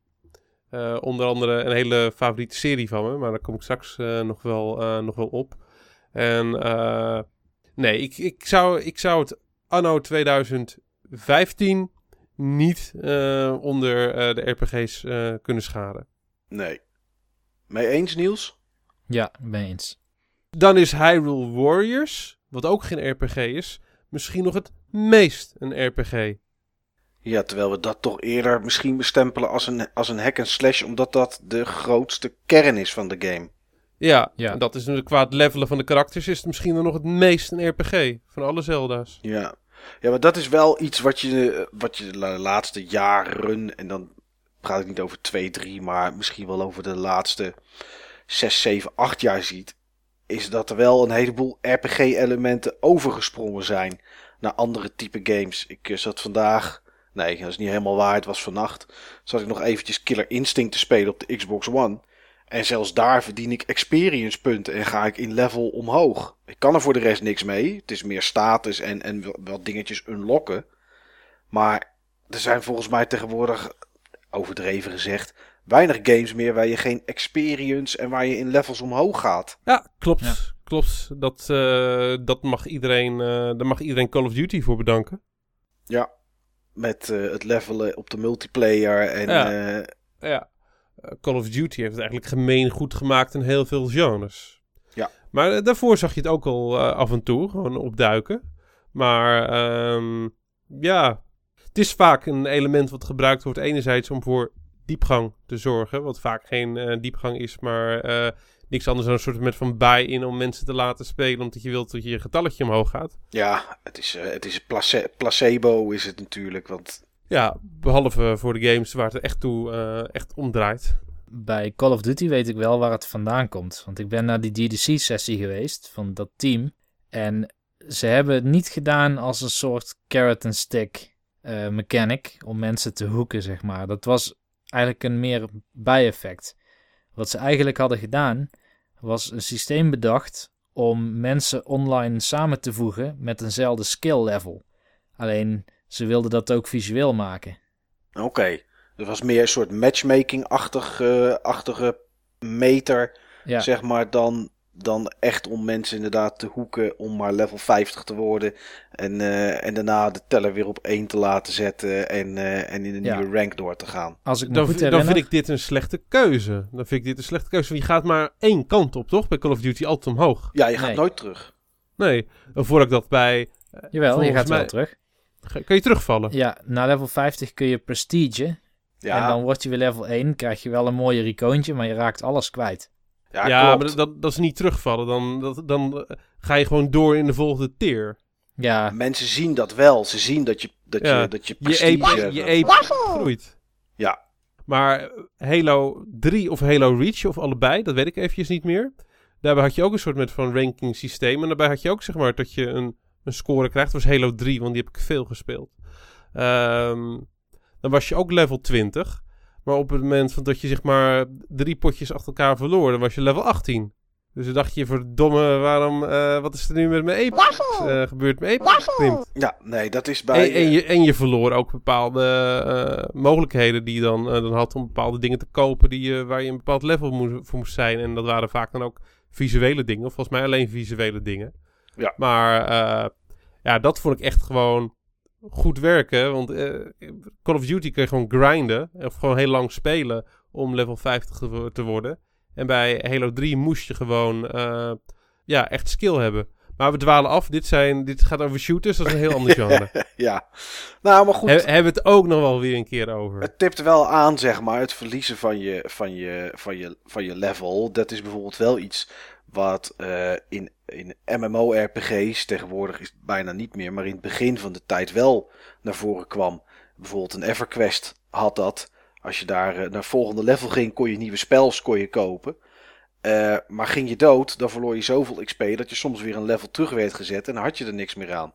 Dus dat, het, het, is wel, het wordt wel gebruikt. Of werd gebruikt waarschijnlijk. Maar inderdaad, eh, tegenwoordig zie je dat niet zoveel meer. Dat heb je sowieso bij singleplayer RPG's. Heb ik dat volgens mij überhaupt nog nooit gezien. Dat als je doodging, dat er dan iets van je level afging. Je bent misschien een paar potions kwijt. Maar dat is het dan wel. bij eh, Diablo 2 raakte je experience points kwijt. Maar is Diablo 2 een RPG? Nee, vind ik niet. Nee. Ik ook niet. 3 overigens ook niet. Nee, drie minder nog dan twee. Ja. Ja, Diablo is gewoon eigenlijk zijn eigen ding. Ja, En het heeft wel heel veel RPG-elementen hoor. En het is echt, eh, het is echt heel erg diep qua hoe je je karakter kan ontwikkelen. En eh, er zijn weinig games die eh, echt zo diep zijn als, eh, als Diablo. Maar eh, ik vind het nog steeds geen RPG. nee. Ja, weet je waar bij mij bij Diablo het, eh, het punt zit waarop ik zeg: dit maakt het niet een RPG? Dat is omdat je maar één manier hebt om een conflict op te lossen. En dat is Ja. aanvallen. Klopt, ik ook. Je hebt ook helemaal geen keuzes of zo in het verhaal. Het verhaal is volledig lineair. Ja. Volledig. Daarnet hadden we het even over eh 8-bit, eh, haalde jij al aan, Steve. Ja. Weet jij nog de allereerste RPG die je ooit speelde? Ja. Welke game was dat? Dat was eh, voor mij in die tijd een RPG. En het voelde als een, eh, als een RPG. Eh, nu zou ik het ook geen, eh, niet direct meer een pure RPG noemen. Maar eh, de eerste game die ik ooit heb gespeeld die eh, RPG-like was, dat was eh, Wonderboy in Monsterland. Oké. Ja, dat zou je nu denk ik bestempelen als een platformer, of niet? Als een action RPG, als een platformer met action RPG elementen. Ja. Nou ja, we weten, we weten dat, dat, dat die game je wel heel erg beviel in ieder geval. Was het, Ja. Was het gelijk een genre dat je dacht van... hé, hey, dit spreekt me wel aan, het RPG-genre? Absoluut, absoluut. Dat, eh, want eh, vroeger had ik een favoriet lijstje aan, eh, aan Nintendo-titels, aan NES-titels. En mijn lijstje was altijd stevast op drie Xanadu, op twee Simon's Quest, die zou nu niet meer zo hoog komen. En op één eh, Zelda 2 The Adventure of Link. En dat is inmiddels gewoon een volledig ander lijstje eh, geworden. Ja, Maar toen was ik echt helemaal fan van dat genre. ja. Van, De wat avontuurlijkere games met een beetje meer wat- diepgang. Ja, ja, waarbij je echt gewoon zeg maar eh, een grote speelwereld had waar je zelf doorheen moest, eh, moest ploegen. En dat je echt gewoon moest zoeken en dat je beter kon, eh, kon worden. En dat je heel veel items had. En een soort met van questlijn eigenlijk die je langs liep. Ja, En ja, dat is in ieder geval iets wat ik toen al heel erg leuk vond. En de eerste echte RPG die ik gespeeld heb is denk ik Baldur's Gate. Oké. Wil ik echt, echt een RPG? Nee, ja. Lastig, ja, hè? ja, want eh, ik... ehm, Secret of Mana vind ik geen pure RPG. Oké. Dat is meer een action-RPG dan, in jouw beleving? Of... Ja. Ja. Oké. En jij, Niels, wat was de eerste RPG waarbij jij het verhaal gelijk doordrukte? Eh, mijn eerste RPG was Ultima Underworld 2. Zo. Oké. Ken je die? Ja, dat ken ik wel, ja. Dat ken ik ook wel. Ja, dat is wel een tijd geleden.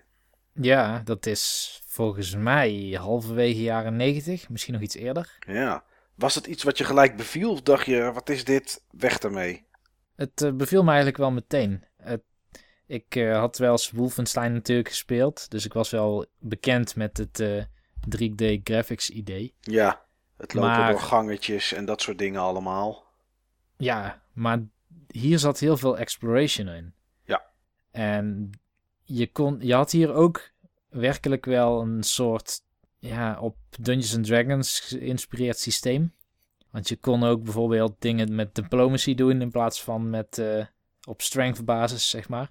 Ja, ik was er in ieder geval helemaal door eh, gebiologeerd. Al is het zo verschrikkelijk lang geleden dat ik die game heb gespeeld, dat er weinig nog van bijstaat. Ja. Ja, je weet dat je hem gespeeld hebt en hoe het er ongeveer uitzag. De plafonds waren laag. Ja. ja, dat was sowieso altijd bij dat soort, eh, bij dat soort games waar je door gangetjes... Nee, je liep ook niet echt door gangetjes, want je gaf meer richting aan welke kant je op wilde. Ja, klopt. En het was ook weer een soort. Tenminste, ik had toen al wel wat point-and-click adventures gespeeld. En dat zat er ook weer een beetje in. Ja. Dus het was first-person combat, exploration, point and Het was allerlei dingen door elkaar die ik leuk vond. Ja. En die mengeling die beviel. Die beviel mij wel in ieder geval, ja. Ja. Sterker nog, ik denk dat ik die game nog steeds leuk zou vinden nu. Oké, dat je nog steeds mee zou kunnen vermaken. Ja. Ja, ik zat ook te denken wat de mijne was. En waarschijnlijk heb ik wel iets eerder gespeeld dan dat. Maar de eerste RPG die ik zeg maar echt als op die manier beleefd heb, is voor mij, en dat is eigenlijk dan vrij laat, denk ik toch Final Fantasy 7 geweest. Dat was. Oh, je bent... Hè? wat je is bent eigenlijk Jij bent niet van die generatie, zeg maar, Nee, die ermee opgegroeid zou moeten zijn. nee, maar ik van al dat soort oudere RPG's die je misschien op de PC hebt gehad of, of ja, ik had zelf vroeger natuurlijk nooit een, een, een, een, een SNES. En eh, wel bij een kameraad van mij, en daar ging ik er wel eens een weekend naartoe. Maar ja, dan ging je niet een game zitten spelen die, die uren en uren duurde. Dan was het Mortal Kombat en Beavis and Butthead en, en de Ja. Turtles en dat soort games speelde je dan. En dan ging ik daarna ging ik met de trein ging ik weer naar huis en thuis zette ik mijn Amiga aan. En nou, ik moet heel eerlijk zeggen dat ik niet echt gezocht heb of er Amiga RPG's zijn. Eh, die zullen ongetwijfeld zijn. Eye of the Beholder. Ja, heb ik nooit gespeeld. Ik vond dat in die tijd, en dat is het weet je hetzelfde als, eh, als Niels zijn, eh, zijn, zijn Ultima game, vond ik dat allemaal, ik vond het te lang duren. Ik vond het, het, eh, dat geklik en het was in die tijd ook lappen en lappen met tekst. Soms stond heel je beeld vol. Nou, daar werd, daar werd ik helemaal, werd ik gewoon helemaal gek van, joh. Dat, daar had ik de tijd niet voor en daar had ik ook geen zin in. Ik wilde in die tijd wilde ik meer eh, springen en rammen en hakken. En al die dingen als bijvoorbeeld, je had iets van Black Crypt of zo had je in die tijd. Dat was zo'n eh, dat was zo'n RPG. En het meeste was allemaal met van die gangenstelsels. En ja, ja, dat, ja. dat, dat vond ik allemaal niks, joh. Dat is, eh, Eye of the Beholder had dat ook. En dan kon je op een pijltje naar links klikken, naar rechts. Dat, die had het extreem. Ja, Dat, dat was gewoon niks anders, joh. Nee, nou, en dat, dat, dan zag ik dat al en dan zei ik tegen, tegen kameraden of, of, of tegen mezelf, zei ik, nou, weet je, weg ermee. Ik stop Superfrog wel weer in mijn Amiga of, eh, of weet ik wat. Nee, ik vond dat vond het heel, heel irritant. En ik denk dat ik het nu nog niet kan spelen. Ik vind op een of andere manier die manier van, van gamen vind ik gewoon niet, eh, nee, het trekt mij totaal niet. Nee, oké. Dus het was zeg maar Final Fantasy 7 die voor het eerst een beetje echt, eh, ja, echt RPG bij mij, eh, bij mij naar binnen bracht. Ik moet ook zeggen dat het wel gelijk het wel goed deed, want ik ben daarna allerlei RPG's gaan spelen op, eh, op de PlayStation 1. Maar ja, nee, dit, dat, dat pakte me wel. Maar die oudere RPG's van daarvoor, nee, nee dat, was niet, dat was niet helemaal mijn ding. Heb je wel eens Final Fantasy 6 geprobeerd? Nee, ik heb wel liggen. Ik heb er 1 tot en, met, tot en met 6 heb ik wel liggen. Maar op een of andere manier ben ik er nooit echt aan begonnen. Ik, eh, ik, weet, niet, ik weet niet waarom niet. Waarschijnlijk gewoon tijd. Maar nee, ik, eh, nee dat, dat moet, moet er nog een keer van komen. Ja. Ik ben wel benieuwd, jongens.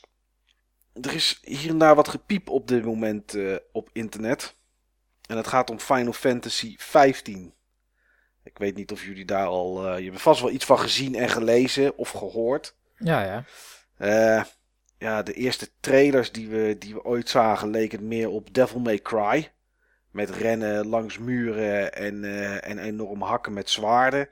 De laatste tijd ehm, zijn er wat interviews geweest en kwam er zelfs naar voren dat het battlesysteem eigenlijk maar een soort one-button eh, systeem is. Eh, je moet gewoon eh, op één knop drukken en dan heb je wel verschillende moves en je moet het wel een klein beetje timen. Maar dat is het gevechtssysteem. Dat klinkt een beetje als eh, Mystic Quest. Wat, wat Square ooit bedacht heeft om onze genre te leren in het Westen. Oké. Waarbij je zeg maar door op je Super Nintendo controller gewoon puur op één knop te drukken. Ja. Gewoon het hele spel uit kan spelen.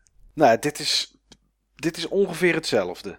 Je hebt één knop en eh, nou ja, daarmee kan je kan eventueel nog wel je stick een andere kant op houden voor een iets andere move. Wauw. Ja, maar dat is het. Ehm, maar buiten dat eh, hebben we natuurlijk de beelden gezien dat je met een auto rond kan rijden en, eh, en dat soort zaken. En ik vroeg me af, Niels, Mhm. RPG's uit de tijd van Final Fantasy 7 of 6 of daarvoor. Breath of Fire, dat soort dingen allemaal. Vonden wij in die tijd geweldig. Ja. Waarschijnlijk nu nog steeds. Alleen zie je toch een enorme verandering. Is dat iets wat nodig is om het jonge publiek aan te spreken en om misschien RPG's in leven te houden? Eh, moet een RPG met zijn tijd mee? Ik denk dat RPG's wel een genre is wat nog steeds niet echt in de buurt van de potentie gekomen is of zo. En dan bedoel ik vooral als je kijkt naar de activiteit roleplaying, daar zijn betere vertalingen in denkbaar. Ja, dan die er nu gaan zijn. Wel is het zo natuurlijk dat er duidelijk een soort lineage is tussen de nieuwste Final Fantasy en de oudste. ja, Het neemt nog steeds wat systemen en conventies met zich mee en bouwt daarop voort. En het mag dan wel echt gezien worden als een, als een evolutie van, eh, in ieder geval van de Final Fantasy lijn van RPG's. Ehm, of dat het de toekomst is, ja, Maar ja, goed, we gingen natuurlijk vroeger van, was het doorgaans turn-based. Ja. En nu lijkt alles gewoon wel, in ieder geval Final Fantasy 15 en ook eh, eh, 13 en dat soort dingen, is eigenlijk gewoon real-time. Daar is niet meer rustig kijken wat strategisch gezien het beste is om te doen. Dat is in, in die titels is dat in ieder geval weg.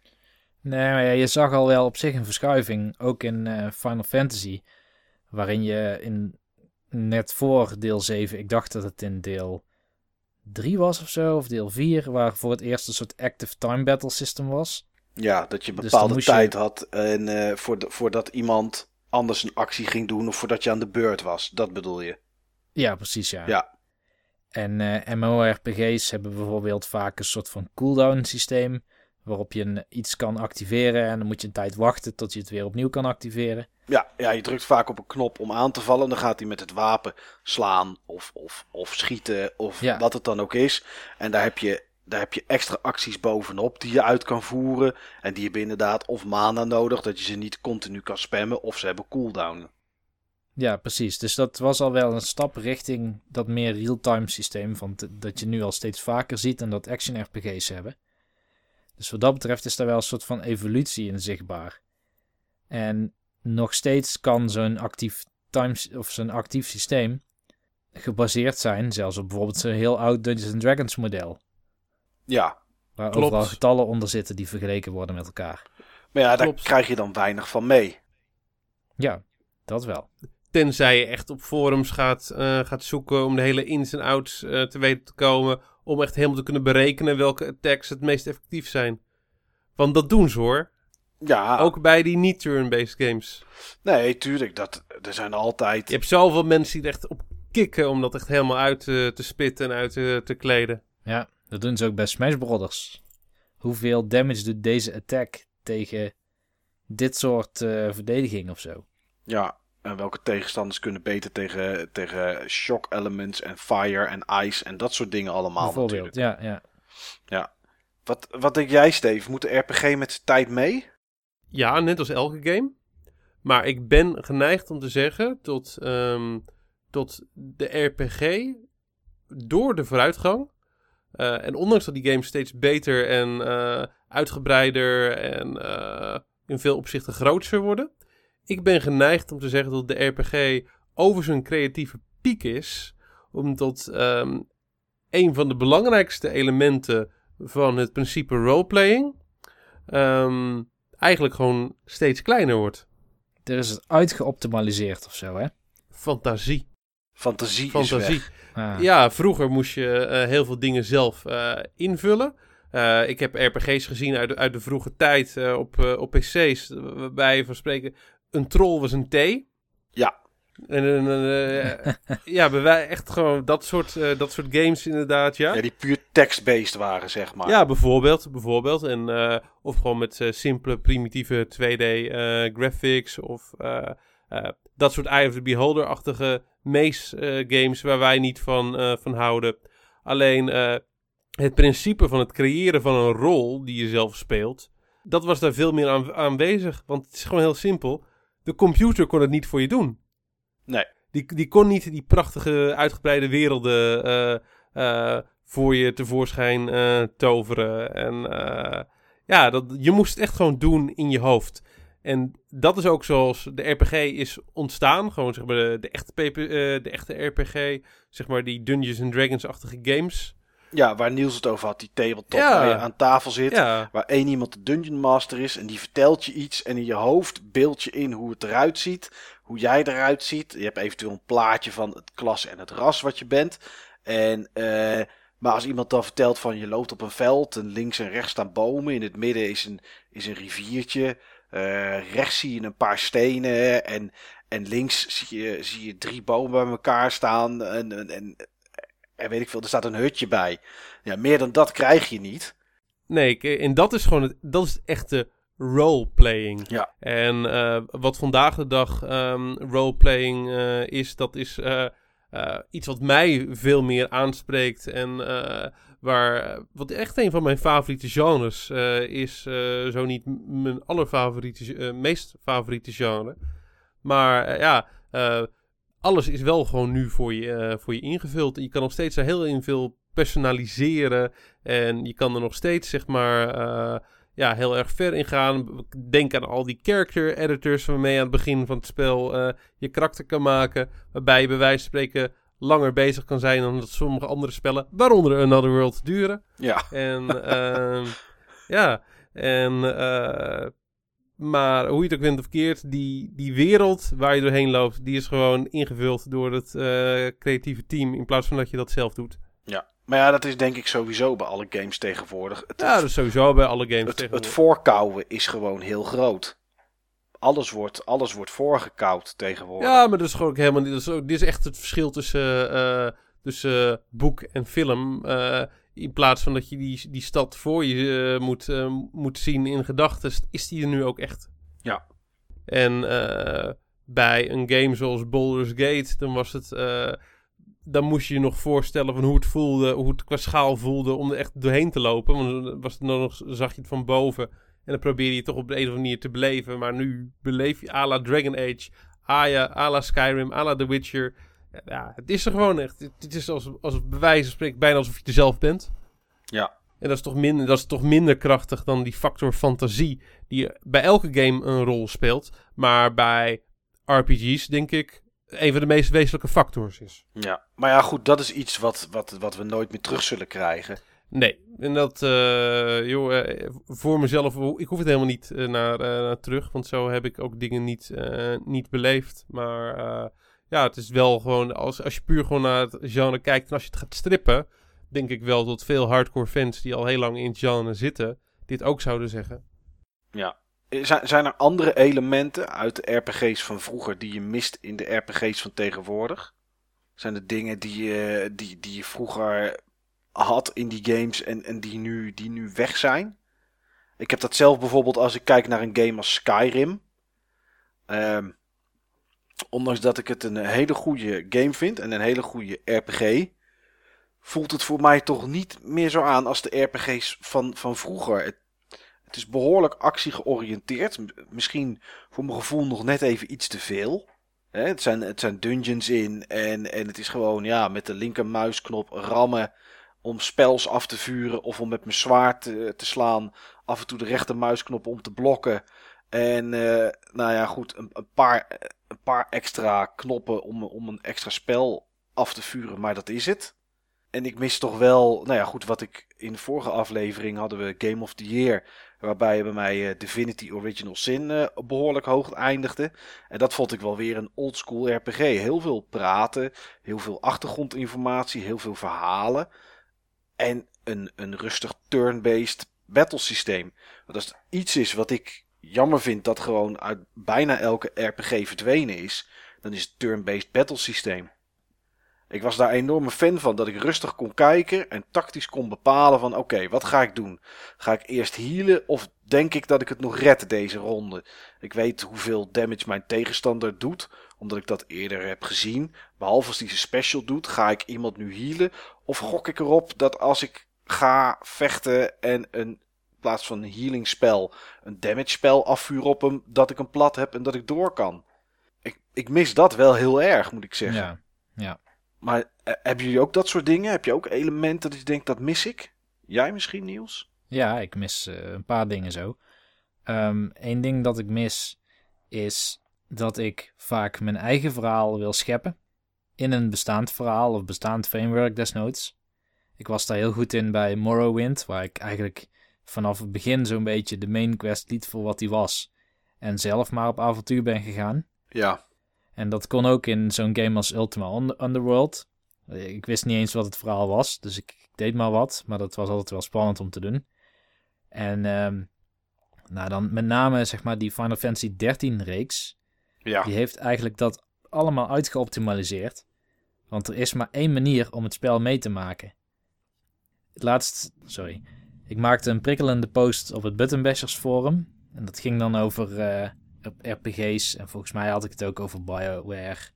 Misschien over Dragon Age of zo. Ik weet al niet meer welke game. Maar ik zei dat er te veel cutscenes in zaten. Ja. En uh, dan zeggen anderen meteen: ja, dat is de hele reden waarom ik, waarom ik het spel speel. De cutscenes is nou net waar je BioWare game voor speelt. En dan zeg ik daar dan weer op van: kijk dan gewoon een let's play. In plaats van dat je hem speelt. Ja. Ah, is toch anders? Tuurlijk, maar Niels probeert natuurlijk een beetje de discussie uit te lokken. Ja, dus ik ja, snap ja. dat wel. Want het is geen roleplaying meer. Je bent gewoon een karakter aan het reenacten. Dat totaal voor je uitgeschreven is. En als je kijkt ook naar die nieuwe Final Fantasies. eh, er zit dan vaak, bijvoorbeeld nou heb je dan bij Final Fantasy 5 heb je zo'n Noctis. Dat is een van de karakters, van de nieuwe karakters, Final Fantasy 15. Ja. Ehm, ik heb het idee dat hij zo uitgeschreven is, inclusief zijn houding tegenover de wereld en zo, dat ik daar weinig invulling meer aan kan geven. Ja. En dan krijg je van die situaties als eh, wat ik al een keer eerder in de podcast heb verteld met Hotel Dusk. Dat je zo'n zo'n beetje chagrijnige man speelt die bij mensen aanklopt. En ik probeer met mijn beste bedoeling een hint te krijgen van die persoon. Door, ik wil dan bijvoorbeeld vleien of ik noem maar wat. En hij gaat dan super sarcastisch een of andere rotopmerking maken. Wat eigenlijk mijn, mijn houding die ik zou willen inbrengen in de game, zeg maar, compleet onderuit schopt. Ja. En dat wringt af en toe gewoon heel erg. En dan denk ik van ja, dit is gewoon geen roleplaying meer. Nee, omdat je niet de keus hebt om het, om het, om het in ieder geval richting de manier te doen die jij zou willen.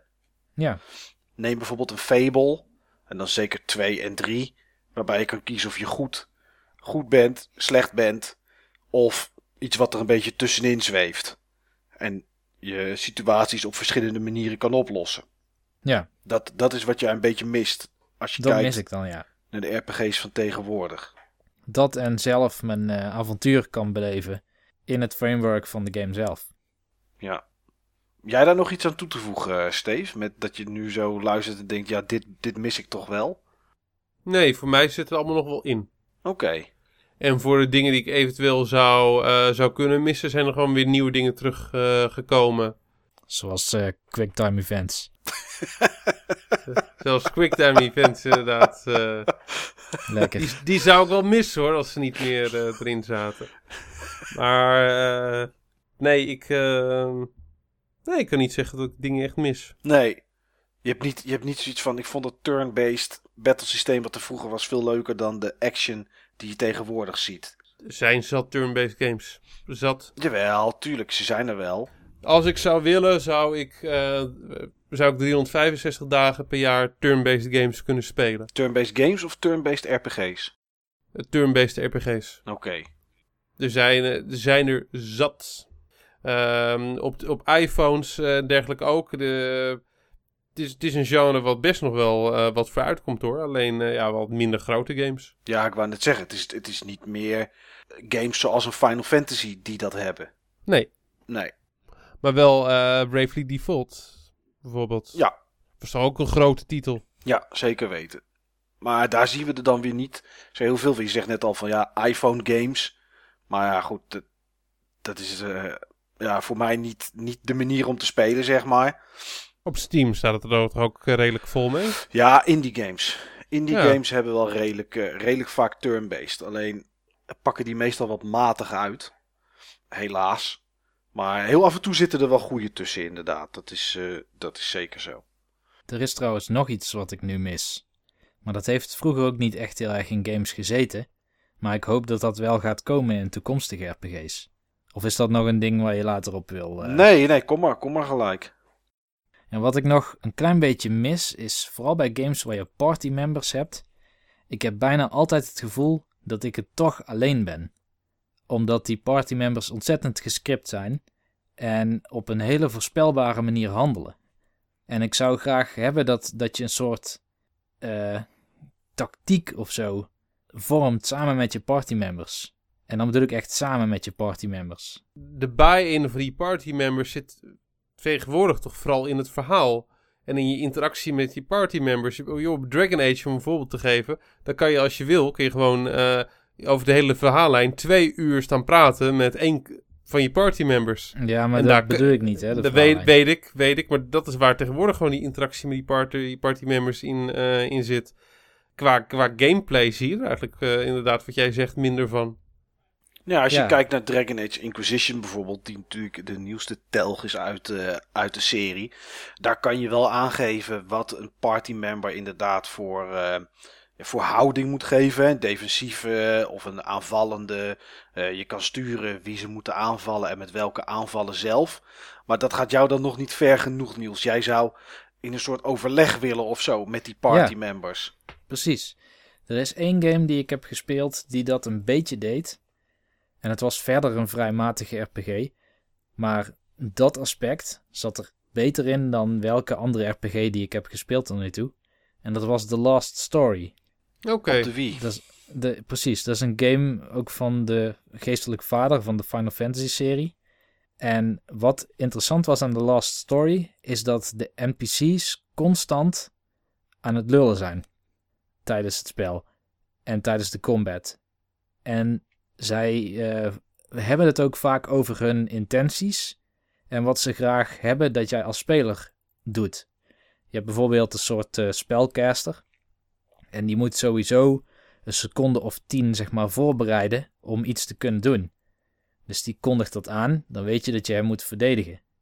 Uh, het kan zijn dat een, bijvoorbeeld iemand die een ranged karakter of zo, dat die in range komt van iets en dan geeft hij dat aan zodat jij als speler daarop in kan grijpen. En hoe dynamisch dat allemaal werkte, het voelde echt als een soort. Als een soort. soort samenwerking. Een ja, als een soort volleybal of zo. Bij volleybal sla je ook niet elke keer meteen die bal uh, terug over het net. Het is ook een soort teamspel waarbij je hem voorlegt voor een ander. Ja. En dat deed die RPG wel. Zonder dat je als eh, speler zelf helemaal moest vastleggen hoe die NPC's zich moesten gedragen dit is wel heel cool. Dit is bijvoorbeeld hoe wij die raids ook spelen. Dan roep je ook gewoon dingen nou, joh, ik ga nu dit doen. Of uh, ja, ik heb even een probleem hier, help me. Ja. Maar ja. Het is leuk, het is leuk om dat gewoon uh, ook in een RPG uh, terug te zien vanuit je partymembers. Dat, dat voegt gewoon leven toe. Ja. Maar ja, dan zou je natuurlijk ook kunnen hebben dat een partymember iets doet waar jij in jouw gedachten zoiets van hebt van ja, dit is niet, dit is niet hoe ik wil dat het gebeurt of dat men dit doet. Alleen daar heb je dan geen keuze in. Nee. Ja, dat is interessant. Dat zou, je, dat zou je nog wel meer terug willen zien, uh, zo af en toe is. Ja, dat zou ik meer terug willen zien. Het is jammer dat die Sakaguchi, zeg maar, de laatste tijd echt, echt heel erg indie is en uh, meer puzzel-RPG's maakt. Want ik heb wel het idee dat hij wel die visie heeft om qua gameplay in ieder geval de Japanse tak van RPG's naar een nieuw niveau te brengen. Ja, dat is wel grappig dat je nu toevallig zegt puzzel-RPG's. Want vandaag uh, was de Nintendo Direct. En daar zagen we Puzzle and Dragons. Een, uh, ja, ah, ja. Een, een, soort. Het is een, het is een Japanse uh, mobiele game. Waarbij je een verhaal speelt. Waarbij je karakters verslaat. Waarbij je kan levelen. Alleen je, ja, je battles vecht je uit door een soort van Candy Crush-achtige puzzeltjes te maken. Is dat, uh, zou, zouden we dat het PRPG kunnen noemen, jongens? Dat we dat, uh, dat, we dat als, uh, als type er nog bij krijgen, puzzel-RPG's? Ja, nou, ik zie het genre wat dat betreft wel op die manier beklijven. Ja. Ik heb er ook nooit van gehoord, puzzel-RPG. Ik noem het maar zo, maar als je het zo uitlegt... Ja, nee, ja, dat is precies, precies wat het is. Het komt naar het westen, ergens in ik, ik moet het niet zien. Ik moet het niet zien als iets zoals Puzzle Quest, wat gewoon een puzzelgame is met RPG-elementen. Nee, ja, het is, we hebben het hier natuurlijk nog nooit gespeeld. Het komt in mei uit voor de 3DS. En je gaat echt op een avontuur. Uh, er zit ook een. Op de 3DS komt het dan ook met een Super Mario Edition erbij. Van uh, Puzzle and Dragons Z. Dat is de versie die wij, hier, uh, wij hierheen krijgen. En je stelt echt een party samen uit, uit Nintendo, uit Mushroom Kingdom personages. die kunnen ook echt levelen. Ehm, ja, je hebt zeg maar echt ook dat je op pad gaat, dat je gevechten hebt. Um, alleen die gevechten doe je niet door een keus te maken of real-time op knoppen te drukken, maar door een soort uh, bejeweled-achtige puzzeltjes uh, te doen. Zo snel mogelijk combinaties maken uh, van drie of vier steentjes naast elkaar. Het liefst dat het verwijderen van die steentjes ook nog een combo oplevert daarboven. En zo doe je damage. En dat, Ja. eh, Ik heb die game trouwens op mijn eh, tablet. oké. Ja, ik, ik, in, in, in Japan levert het iets van 3,8 miljoen dollar per dag op wat mensen eraan uitgeven aan, eh, eh, aan in-game of in-app aankopen. Dus het is, het is daar heel groot. Ja. Ja, nou ja, dat is het nie- het nieuwe genre wat eraan komt dan waarschijnlijk. Ik zie hier echt wel meer in ontstaan, Want in dit genre. wat ik zag bij die Nintendo direct daarna Pokémon Shuffle. Eh, Pokémon natuurlijk ook, ook een RPG. En Pokémon Shuffle deed eigenlijk een beetje precies hetzelfde. Ook een soort van puzzeltjes oplossen en, eh, en daarmee eh, aanvallen. Ja, maar Puzzle Dragons doet het wel interessant in dat die combinaties, die triggeren speciale moves van de verschillende partymembers in jouw team. Oké. En bij Pokémon was dat volgens mij anders. Volgens mij Ja, was was je het gewoon één op één op één Pokémons tegen Ja. elkaar. En, eh, maar ja, goed. Het, blijk, blijkbaar is het iets wat, wat, er, wat er meer aan gaat komen. Iets, eh, iets nieuws. Ja, iets nieuws eh, hadden we het net al over. Wat nieuws eh, wel graag zou willen zien in, in RPG's nog. Is er iets wat jij graag, als je maar alles kon bedenken, Steve. Maakt niet uit wat. Al zijn het vliegende, vliegende clowns op pannenkoeken of noem het maar op. Of minder gameplay. Of minder gameplay, of wat dan ook. Zou er iets zijn dat je zegt van nou, ze dat toch eens zouden veranderen of toevoegen in RPG's in de toekomst. Dat zou toch wel geweldig zijn. Ja, wat, eh, wat ik vroeger altijd. ehm, wat, vroeger altijd een droom van me eh, was. Toen ik, eh, toen ik klein was. was een soort van never ending story. Gewoon zeg maar. eh, een game die gewoon verder gaat. En eigenlijk is dat nu al in de vorm van MMO's. eh, eh, al hele tijd, hele tijd daar. Maar dat je zeg maar. een game uitgespeeld hebt. Maar tot zeg maar die, die wereld er nog steeds is. En dat je nog steeds dingen kan doen in die wereld. En tot, eh, dat, tot er op een gegeven moment gewoon weer een nieuwe verhaallijn eh, is. Oké, een echt een nieuwe verhaallijn. Ja, Dus, dus niet zoals Skyrim, want dan kan je binnen 12 tot 13 uur, als je het gewoon normaal speelt, kan je de main story uitspelen, als je een beetje goed bent. Eh, ja, en daarna is die wereld nog steeds open om alle dungeons, alle sidequests, et cetera, et cetera, te doen. Er zitten ook quests tussen die gewoon echt lang duren. ja. Maar het blijven sidequests in principe. Voor, voor mij zou het eh, een combinatie zijn van. ehm, laten, we, laten we drie games noemen: eh, Skyrim, eh, World of Warcraft en Mass Effect. Oké, Kijk, Mass Effect, dat, is, dat vind ik gewoon hele gave games. Maar als het over is, dan is het gewoon over. En dan gaat het verder in de volgende game. of, Die wereld, of de die wereld staat. Ja, maar die wereld staat dan stil. Ja. Die wereld staat dan stil. Het gaat. eh, Mass Effect is zelden verder gegaan in de DLC. Een enkele DLC, eh, ja, daar gelaten. Meestal waren die DLC gewoon onderdeel van het verhaal. Dan kon je maar een tot een bepaald punt kon je zeg maar ook die DLC doen. En als je te ver was, dan kon je ook die DLC niet doen. Oké, Dan had je meestal nog wel een save van waar je terug kon dat je alsnog die DLC kon doen.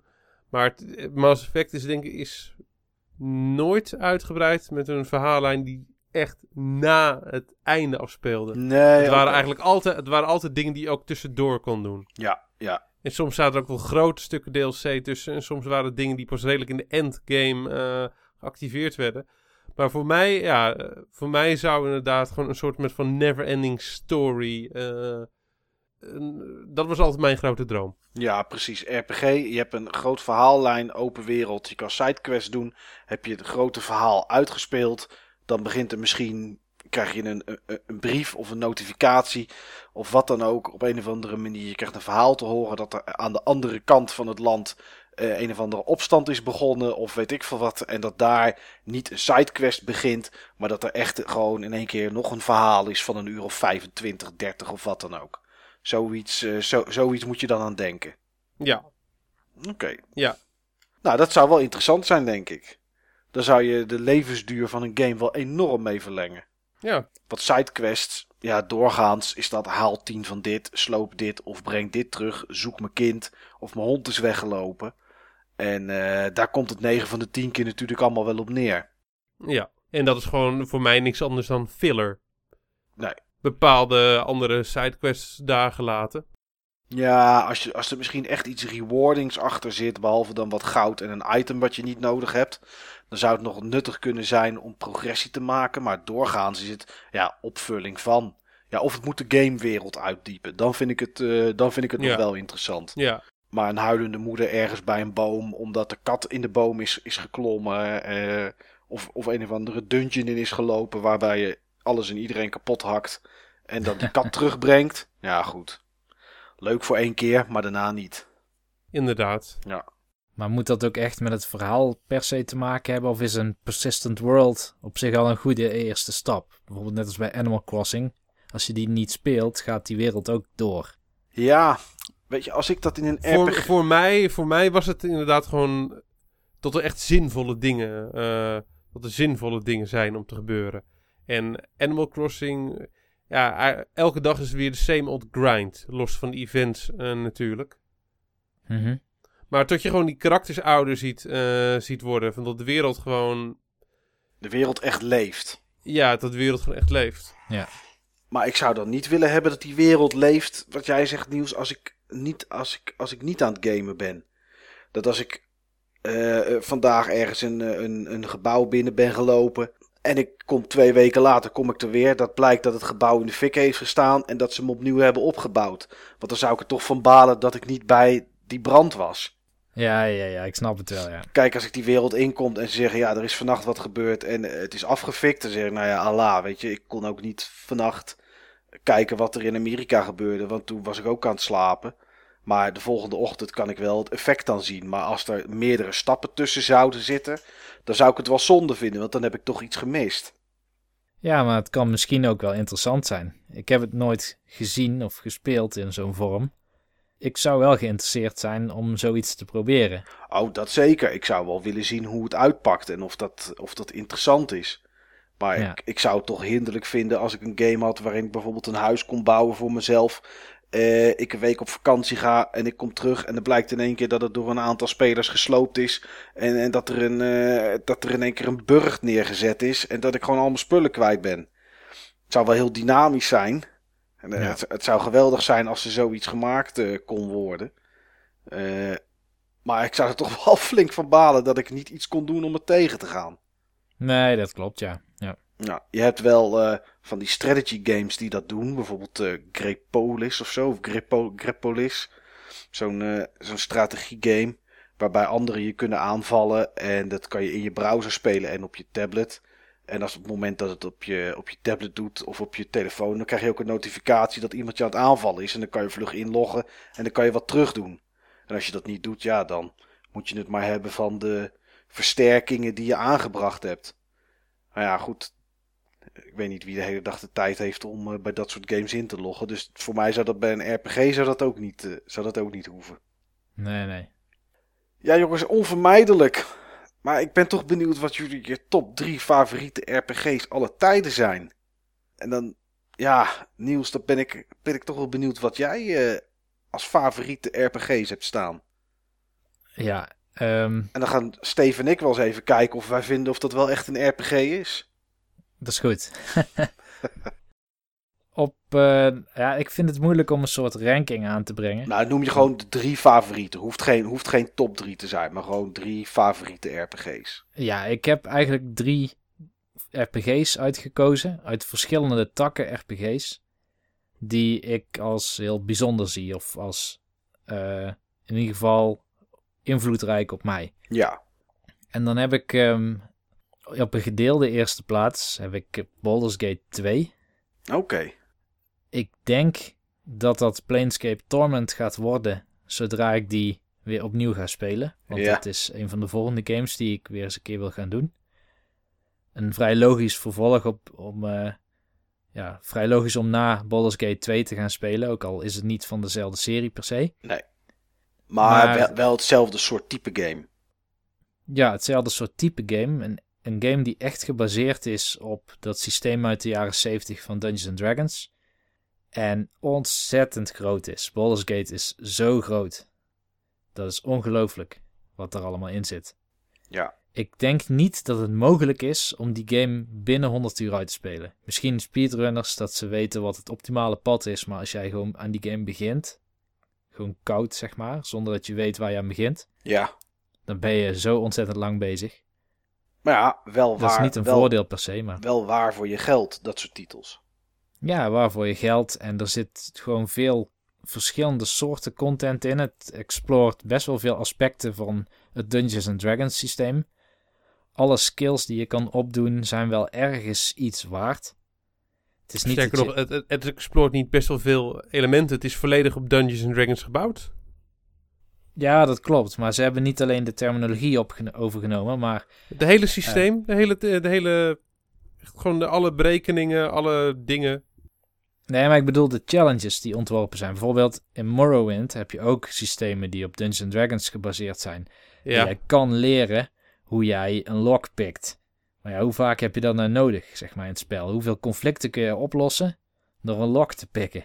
ik be- ik bedoel meer in, in die zin. ja. In eh Baldur's Gate kan dat. In mijn herinnering in ieder geval wel. Had je daar... In, so- in sommige situaties. En het is allemaal heel eh, situatiegericht. ja. Maar je kan inderdaad bepaalde conflicten vermijden door bijvoorbeeld een schatkist open eh, te breken. En er zitten bewijzen in. En op het moment van dat je niet genoeg points hebt en je wordt betrapt, dan all hell breaks loose. Nou ja, dat, Maar- dat, zijn wel, ja. dat zijn wel situaties die ik interessant vind in een RPG. Inderdaad. Hè, dat, ja, als je niet geskilled genoeg bent, maar je probeert het toch, ja, dat er een hele andere outcome kan zijn. Dat en ik vind de gameplay van Baldur's Gate heel tactisch ook interessant. Het was heel moeilijk. Als eh, zeg maar Diablo-fan vond ik het heel moeilijk om te wennen aan Baldur's Gate. Ik ging meteen af, want ik, ik beschouwde het als Diablo. Van eh, loop naar het popje wat je wil verslaan, klik erop en wacht tot die af is. Ja. Nou, dat moet je in Baldur's Gate niet doen. nee, maar dat leer je vrij snel af. Dat is waar, dat is waar. Ja. Dus ja, Baldur's Gate op een gedeeld eer- eerste plaats. Ook een gedeeld eerste plaats. En hier kon ik echt niet kiezen. Ehm, maar ik heb hier zeg maar de Japanse strand van RPG's vertegenwoordigd. Dat is de Dragon Quest serie. Die heb ik gekozen omdat Dragon Quest voor mij de meest consistente serie is. En heel eh, karakteristiek ook voor wat veel mensen als JRPG beschouwen. Dus de minuutjes met attack of magic of heal of dat soort dingen. Het grinden. Het grinden, de party members. Ik denk dat de, de Dragon Quest games, of dat je nou deel 3 speelt, of deel 6, of deel 9, ook al is 9 dan volledig 3D, je hebt altijd direct door dat het een Dragon Quest is. Al hadden ze de sprites veranderd en hadden ze er bijvoorbeeld Mario opgezet, Ja. je had meteen gemerkt, dit is Dragon Quest. Aan de manier gewoon hoe die systemen werken, aan hoe ze verhaaltjes vertellen, hoe dat dus... Je hebt wel een soort van storyline, een algemene storyline, maar daar binnenin zit rond elk dorp weer een soort, een soort nieuw verhaal. Ja. Dat heeft Dragon Age ook hoor, daar niet van. Maar daar was Dragon Quest een van de eerste games mee. Het is niet zo net als bij, eh, bij veel RPG's dat elk dorpje in dienst staat om jou een of andere skill te geven die je nodig hebt voor de volgende dungeon. En verder heb je eigenlijk niks meer aan het dorp. Nee, precies. Of dat je alleen maar doorverwezen wordt eh, naar het volgende dorpje. Ja, precies. Ja. Maar ik kon daar ook, ik, ja, ik kon niet eronderuit om hier ook even Xenoblade Chronicles te noemen. Oké. Omdat dat een game is die vrij recent is. Dit leek, voor mij in ieder geval, als een doorzetting van de PlayStation 2 scope RPG's. Als een logische stap die Ja. daarna zou volgen. Eh, waar dus eh, in ieder geval PlayStation 3, zeg maar Final Fantasy 13 kwam, die naar mijn mening heel veel stappen terugzetten om eh, mooiere filmpjes te laten zien was Xenoblade wel de game die de scope qua wereld, meer towns, alles groter, nog meer quests, nog bombastischer verhaal, al dat soort dingen zeg maar probeerde toe te voegen aan het genre. Ja. Dus dat is een gedeeld eerste plaats. Oké. En op Nou, goede, goede eerste plaats. alles eerste plaats hè. Ja. Ja. Ik heb er nog eentje hè. Oh, omdat je, Ja, natuurlijk, ja. omdat je natuurlijk niet kon kiezen. Ja, ja, ja. Ja. maakte van top 3 maakte jij gewoon even een top 4, maar dat mag wel. Ik maakte er een top 4 van. Omdat ik gekozen had voor hele verschillende soorten RPG's. Ja. ehm, kon ik in één categorie ervan niet kiezen. Maar goed, op één staat een RPG die ik in eerste instantie heel erg tegen vond vallen. Tot ik er nog eens naar terugkwam, een jaar of twee later. En het kon bewonderen dat het iets deed met roleplaying. Op een hele interessante manier. Nou, En dat is Vampire the Masquerade. die heb ik niet gespeeld. Oké, Ja, Die had, daar had ik een kopie van, maar daar was iets mee. Die draaide niet of zo. Of eh, ik kreeg hem niet aan de praat op mijn systeem. Er was iets mee. Ik heb hem ook niet gespeeld. op welk systeem is die game uitgekomen, Niels? PC toch? volgens mij alleen PC, ja. Oké. En waarom pakte die je eerst niet en, en twee jaar later wel, ben ik dan benieuwd. Was je toen volwassener geworden? Of, eh, Nou, ik heb heel lang in de Japanse strand gezeten van RPG's. ja. En eh, nog steeds vind ik dat heel erg leuk. Ik speel ook nog steeds heel veel eh, Japanse stijl RPG's. Ehm, maar de westerste vond ik vaak te ehm, complex. Oké. De westerse PC-RPG's vond ik vaak te complex. Te veel rekening moest je houden met verschillende dingen. Het was niet altijd duidelijk wat je moest doen. En je kreeg te veel ruimte om, eh, om dingen zelf te bepalen. Eigenlijk alles wat ik nou juist fijn vind aan RPG's. Was toen iets waar ik ja, juist niet zo goed mijn weg mee kon vinden. Maar Vampire the Masquerade, daarin. eh, dat is een first-person RPG, als ik me goed herinner. Want het is inmiddels weer een lange tijd geleden. Waarin je ook al eh, zo'n uitgebreid dialoogsysteem had om jezelf een houding te geven. De houding bepaal je zelf als speler. Oké. Die wordt niet opgelegd. En die houding die bepaalt ook hoe jij met karakters omgaat en de quests die je gaat doen en hoe je die quests kan gaan doen. Ik vond het en het was allemaal in een heel thematisch consistente omgeving en zo. Dus die eh, staat op een gedeeld eerste plaats wederom Ja. met al die andere games. Ik zie het hier inderdaad uit 1991 is. Is die zo oud? Ja, dat was de eerste publicatie. Dus er een tweede editie Oh, gekomen. dan heb ik denk ik de Bloodlines, ik- bedoel ik dan. Oké, ja, ik zie hier staan 92 kwam de second edition, in 98 kwam de revised edition en in 2011 kwam, ehm, kwam de 20th anniversary edition. Ik heb degene gespeeld uit 2004. Ja, dat zal dan denk ik Bloodlines zijn geweest. Ja, precies. Want die komt uit 2004 inderdaad en die is alleen voor Windows uitgekomen en uitgegeven door Activision. Goed, dat begon dus al lekker deze aflevering. Ik was weer vergeten welke titel het was. Maar ik bedoelde inderdaad Vampire the Masquerade Bloodlines. Bloodlines. Oké.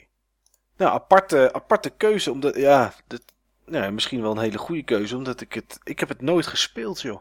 Ongebruikelijke keuze. Ja, ah, daardoor niet niet minder maar het was wel een game die me ook echt gaaf leek. Ik denk dat je die ook nog steeds heel goed zou kunnen spelen. Tuurlijk snap ik, Steve, dat je het liever niet op een PC speelt. Maar het is wel een game die heel veel van mijn waarde, zeg maar, qua game design omvat. Maar ook die van jou. Oké, cool. Nou, hij is in ieder geval wel een beetje te pimpen, want ik zie dat er, eh, dat er wel een hoop mods voor zijn. Ja, ik, eh, ik, er is heel veel liefde voor die game, bedenk ik me net. Je hebt best wel ook een eh, fanatieke community over rond die game. Ja, maar ja, ik zie ook wel een beetje waarom, want al die vampiervrouwen hebben grote borsten. En ik zie, st- ik zie hier zelfs skills voor een of andere lesbian iets. En, en is dat niet hetgene wat je erin aantrok, eh, Niels? Nee, want ik speelde niet die houding Oké, in de game. oké. Maar het kan best wel edgy zijn. Ja, ja, ik zie het. Ik zie, ik zie in ieder geval bij- op alle screenshots zie ik een hoop vrouwen met, eh, met korte rokjes en een groot decolleté. Ja, je hebt inderdaad een soort... eh, Jullie hebben me samen overtuigd. Nou, ik heb mezelf ook overtuigd. Ik moet het toch maar eens. eh, Maar ik zie, ik, ik zie ook inderdaad dat er gewoon twee dagen geleden eh, zijn er nog aanpassingen geweest aan mods. Dus de community leeft daar nog steeds voor. dat is mooi om te weten. Dan denk ik dat ik de game toch maar weer eens opnieuw ga spelen binnenkort. Ja, bij Nexus. Nou, eh, goed dat je op die manier ook weer games kan herontdekken van je eigen lijst. Ja. Al- allemaal top 1 games, eh, Niels. Allemaal top 1 games. Allemaal top 1 games. Ik ben benieuwd naar jouw top 1 games, Steve. Ja, maar ik ga toch beginnen met mijn top 3. Oké. Met mijn nummer 3 op mijn eh, top Oh, 3. je hebt wel want, echt eh, een eh, ja. top 3 gemaakt. Ja, ik heb, eh, ik heb eh, dusdanig controle over mijn eh, emotie dat ik dat gewoon kan, eh, kan doen. Nou, ik ben benieuwd. ja, mijn eh, top 3 is, is namelijk als volgt. Op 3 heb ik eh Xanadu, op, deel, op 2 heb ik Simon's Quest en op 1 heb ik The Adventure of Link. Nee, Nee, natuurlijk niet. nu de echte. natuurlijk niet. Simon's Quest, kijk, Adventure of Link. Er zijn misschien mensen die alleen maar Nintendo of NES hebben gespeeld of zo.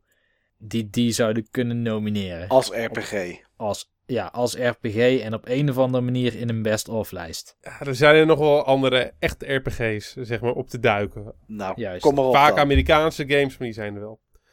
Oké, op, ehm, op drie heb ik een game die lange tijd de game is geweest waar ik de meeste uren in heb geklokt. Inmiddels niet meer. Ehm, dat is eh The Elder Scrolls Oblivion. Ja. Vond ik een fantastische RPG. Fantastische speelwereld. Ehm, het is een game waar ik er helemaal op in werd eh, gezogen.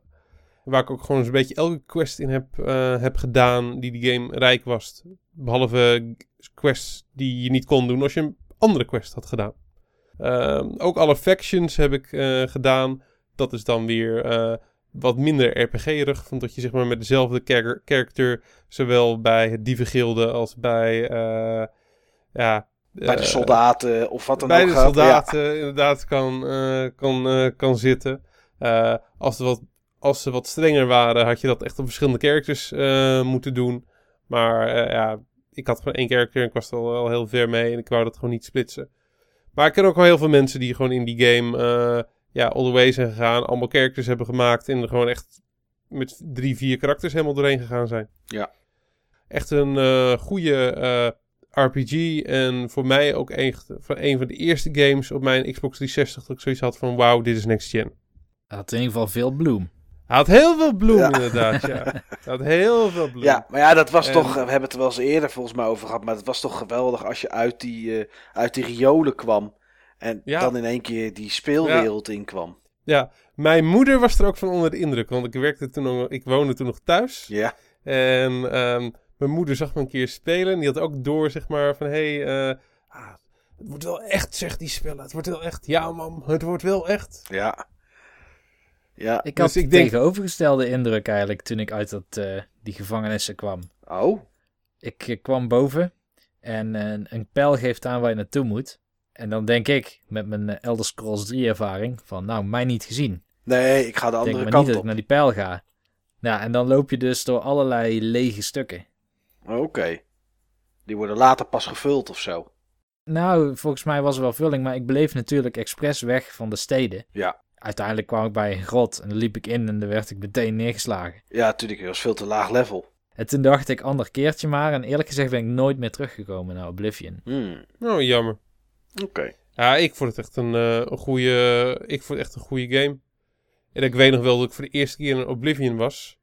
Toen was ik ook, zeg maar, te laag level.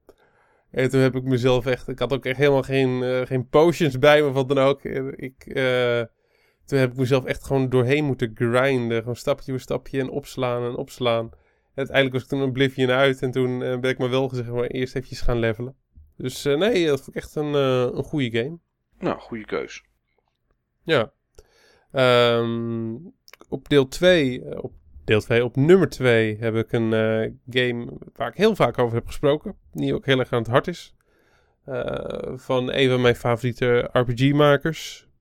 Ehm, Mass Effect 2 van BioWare. Oké, deel 2 uit de reeks. Ja, ja. Ehm, ik zou deel 2 of deel 3 eh, erop eh, kunnen zetten. Ehm, deel 1 heeft iets te veel elementen die me, die me storen. Al is dat wel de, de game met de meeste RPG-elementen en die het meest, eh, ja, een RPG is ten opzichte van een action eh, RPG. Maar deel 2 en deel 3 zijn RPG genoeg. En met name de manier van verhaal vertellen van, eh, van BioWare. En alle interactie die je hebt met je, eh, met je party. Dat is iets wat, eh, wat voor mij een element is van roleplaying. Wat me gewoon heel erg bevalt. Het zijn allemaal hele interessante karakters. En ik ben al die dialoogbomen ben ik helemaal doorgegaan. En ja, wat, wat Niels graag terug zou willen zien in, in gameplay. En wat ik ook wel heel interessant vond klinken. Dat op die manier eh, karakters ook meer karakter hebben. Ehm, zie ik dat in veel games van Bioware gewoon echt heel erg terug in, ehm, in hun persoonlijkheid. En hoe je die persoonlijkheid eh, verkent eh, ja, via alle dialogen. En dat had ik in Mass Effect 2 het meeste. Oké. En eh, ja, in Mass Effect 2 ben je een soort met van Dirty Dozen aan het samenstellen. Of Ocean's 11 eh, voor een onmogelijke opdracht eigenlijk. En eh, ja, ik vond de karakters gewoon heel gaaf. Ja, daar ben ik het ook wel mee eens, Steve. Alleen had ik bij Mass Effect wel meer moeite dan bijvoorbeeld bij Dragon Age om iemands persoonlijkheid te herkennen, omdat het geen mensen zijn. Ja, dat sprak, sprak mij juist aan. Juist omdat het gewoon op die manier word je, word je out of the ordinary gebracht. Ja. En eh, ja, ik vind dat eh, veel van eh, de aliens toch echt zeer verdacht menselijk eh, reageren. Ja, dat klopt. Maar je hebt bijvoorbeeld zo'n alien, die zie je ook in het begin eh, in die, eh, ik ben alweer vergeten hoe die, die hoofdstad zeg maar heet. In de Capital. De capital. Zelfs ik weet dat, Niels. Inderdaad, hij heet ook letterlijk hoofdstad blijkbaar. Ja. Maar ehm, daar heb je bijvoorbeeld zo'n groot, lelijk, ja, een soort van grote opgeblazen kikkermonster. En Drax. precies. Maar hij, hij komt een beetje lomp over. Alleen hoeft een lelijk monster niet per se lomp te zijn natuurlijk. Nee, oké, in zijn in zijn gedrag bedoel je, of in zijn uitingen. Ja, maar hij knort ook en hij maakt ook van, volgens mij van die sneer en cynische opmerkingen in het spel. Ja, klopt, klopt. In, eh, ik ken hem inmiddels beter eh, via deel 3. En ik weet ook van dat eh, er zit gewoon veel meer complexiteit in dat eh, karakter. Maar eh, ja, er heeft inderdaad een bepaalde stereotype in eerste instantie persoonlijkheid die ook bij het uiterlijk hoort. Overigens, Steve, is dit geen kritiek van mij op Mass Effect. Want hoewel ik het dus laatst probeerde weer op te pakken en dat ik meteen zei, dat dit ga ik niet doen. Ik ga Dragon Age doen. Dan nog wil ik het weer een kans geven. Er zit duidelijk iets in waar zoveel gamers naar uitkijken. Dat bij mij nog niet geklikt is of zo. Maar soms moet je op een andere manier naar een game kijken en dan klikt het wel. Ja, maar het probleem is, eh, Niels, de dingen die eh, in die game zitten, die, eh, die heel veel mensen aanspreken, dat zijn de dingen waar jij gewoon van nature weinig mee hebt. Ah, Dat, zijn, dat zijn de dingen die jij als een, vanuit je natuurlijk gedrag gewoon letterlijk wegklikt. Verhaal. Ja, dat is misschien inderdaad wel zo. Het gekke is, En die games proberen ook gewoon echt heel filmisch eh, te zijn vanuit hun benadering. Ja. En eh, ik moet zeggen, ik vind wel dat deel 2 en deel 3 echt hele goede strakke shooter gameplay hebben hoor. ja, En ook eh, goede tactische elementen van hoe je je teammates kan, orde- orders kan geven. Ja. Zonder dat de snelheid eruit haalt. Ik, ehm, ik vind het qua gameplay ook heel erg goed. Ja, Ik vind het interessant dat het zo'n sterke sci-fi game is. Ja. Ik vond ook serieus de plaatsen waar je naartoe gaat in de game, bijvoorbeeld die discotheek in eh, deel 1. eh, Dat vind ik allemaal supergoed bedacht en supergoed vormgegeven en de art direction is gaaf en zo. Dus ja, dat maakt dat ik het toch op een of andere manier wil proberen. Omdat die omgeving mij gewoon aanstaat. Ja. Nou, terecht. En dat is ook een van de redenen waarom ik gewoon graag... waarom ik uitkijk naar eh, een PS4 remake. Ehm, omdat ik gewoon graag alles weer opnieuw wil spelen in, ehm, in die game-lijn. en eh, ja, ik vind eh, een opgepoetste versie... waarbij ze ook zeg maar bepaalde dingen hebben eh, kunnen tunen... en op elkaar afstemmen qua gameplay. En ja, om het nog meer een geheel te maken... dat spreekt me nog heel erg aan. Ja, ja, dat zou ik ook gaaf vinden. Dan ben ik benieuwd, eh Steve. naar Ja, nummer... ik- alle- maar nu nog een keer op zo'n manier dat ik je geloof. En, eh, Ik geloof dat überhaupt al niet als je dat zegt over remakes en bij Mass Effect. Ja, dan heb ik wel zoiets van... Who are you trying to fool, man? Ja, ach. Ik, eh, ik ben benieuwd naar je nummer 1, kerel. Ja, ik heb eerst nog een honor- honorable mention, omdat Niels er ook een extra titel in mocht proppen. Mag ik dat ook? Van mij wel, Gelijk hoor. de mon- Geen ja, de Bravely Default, denk ik. Ja, wordt geen Bravely Default, inderdaad, nee. Ehm, nee, dat... eh, ja, ik zou eh, ook een, eh, een JRPG erin kunnen eh, proppen, want die heb ik nog niet. En dat doe ik ook. Want ehm, een game waar ik absoluut heel erg van heb eh, genoten, die ik nog niet heb genoemd en die net zo goed ook in het reisje had thuis eh, gehoord, is Grandia 2. Oh, Oh, ja. ja. Jullie, da- jullie dachten waarschijnlijk van dat ik eh, Skies of Arcadia ging noemen. Die had ik ook kunnen noemen. Ja. Maar ik, eh, om nou twee eh, erin te proppen, dat gaat een beetje te ver. Ja, Grandia 2 vind ik echt een unieke verhaallijn eh, hebben. Ehm zitten prachtige plot twists in over essentiële vraagstukken in, ehm, in de wereld. Ook op punten waarbij je het echt niet, eh, waar je het echt niet verwacht. En ehm, ja, ik vind de combat gewoon echt eh, uniek. En inmiddels is de combat, eh, het is namelijk een combinatie tussen zeg maar eh, turn-based en, eh, en real-time. Ehm, je maakt gewoon turn-based keuzes, alleen je moet rekening houden met dingen als afstand en snelheid van je karakters, van je tegenstanders. En afhankelijk van de keuzes eh, die je maakt, kun je soms ook twee beurten hebben en soms een halve beurt. Oké. Nou ja, mooie, Ja. een mooie honorable mention inderdaad. ja, zeker. En eh, ik heb een game liggen die ik eigenlijk specifiek gekocht had om nog even snel te spelen. Omdat ik dacht dat het een Game of the Year candidate eh, zou zijn. Maar vanwege de PSN eh, downtime van eind december heb ik hem niet kunnen spelen. Want het is een download-only game. Ook al heb ik hem in de winkel gekocht. En die heeft hetzelfde battle systeem. Dat is Child of Light. Ja. En dat is een game waar ik wel uitkijk, naar uitkijk om te spelen. Sinds dat ik in heel veel eindejaarslijstjes opeens hoorde. Want dat had ik namelijk gemist dat hij een vergelijkbaar combat systeem heeft met Grandia 2. Hij sprak me al aan, maar ik had zoiets dat komt nog een keer. Maar toen ik de combinatie eh, van die beelden en die sfeer met Grandia 2 hoorde, dacht ik van hé, hey, die is voor Steve. Grappig. Ik heb eigenlijk nooit de combat van Child of Light geassocieerd met die van Grandia 2. Ja, ik zie wel ergens een raakvlak, ja. Ja, toen, laat ik het zo zeggen, ik heb hem nog niet gespeeld, dus ik kan er zelf niet over oordelen. Maar toen ik het in drie eindejaarslijstjes had gehoord, had ik wel, wel, wel zoiets van oké, oké. Ja. Dan zal er wel iets van waarheid in zitten. Ja, ja. Nou, Steve, eh, 1.5 hebben we gehad. Kom maar op met 1. Ja, 3.5. Oh, 3.5. 3.5. Het had ook eh 1.5 kunnen zijn, maar 3.5. Maar 1.0, dat, is, eh, dat is voor mij maar één titel. En dat is een titel die ook al genoemd is. En eigenlijk zijn het eh, twee titels. Dat zijn namelijk een, eh, een game en zijn expansie. Dat zijn eh Baldur's Gate 2 Shadow of Arm en Baldur's Gate 2 Throne of Baal. Oké. Geweldige game. Geweldig. En ehm, met name Throne of Baal. Throne of, Throne of Baal is misschien wel de meest epische game die ik, die ik heb gespeeld. Ehm, dat voelt echt gewoon als een, als een endgame. Je komt daar gewoon echt super, je komt daar superkrachtig aan. En eh, aan het eind van het spel ben je echt gewoon godlike qua, eh, qua powers die je, eh, die, die je hebt en qua effecten wat het, wat het heeft.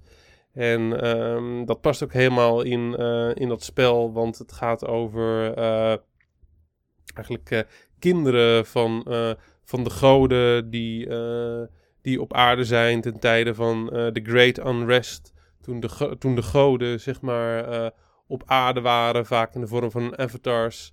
En je hebt zeg maar een pantheon van goden in de wereld waar het zich afspeelt. De, de Forgotten Realms. En de oppergod heeft eigenlijk alle goden de hemel uitgegooid. En veel zijn dus relaties aangegaan met mensen.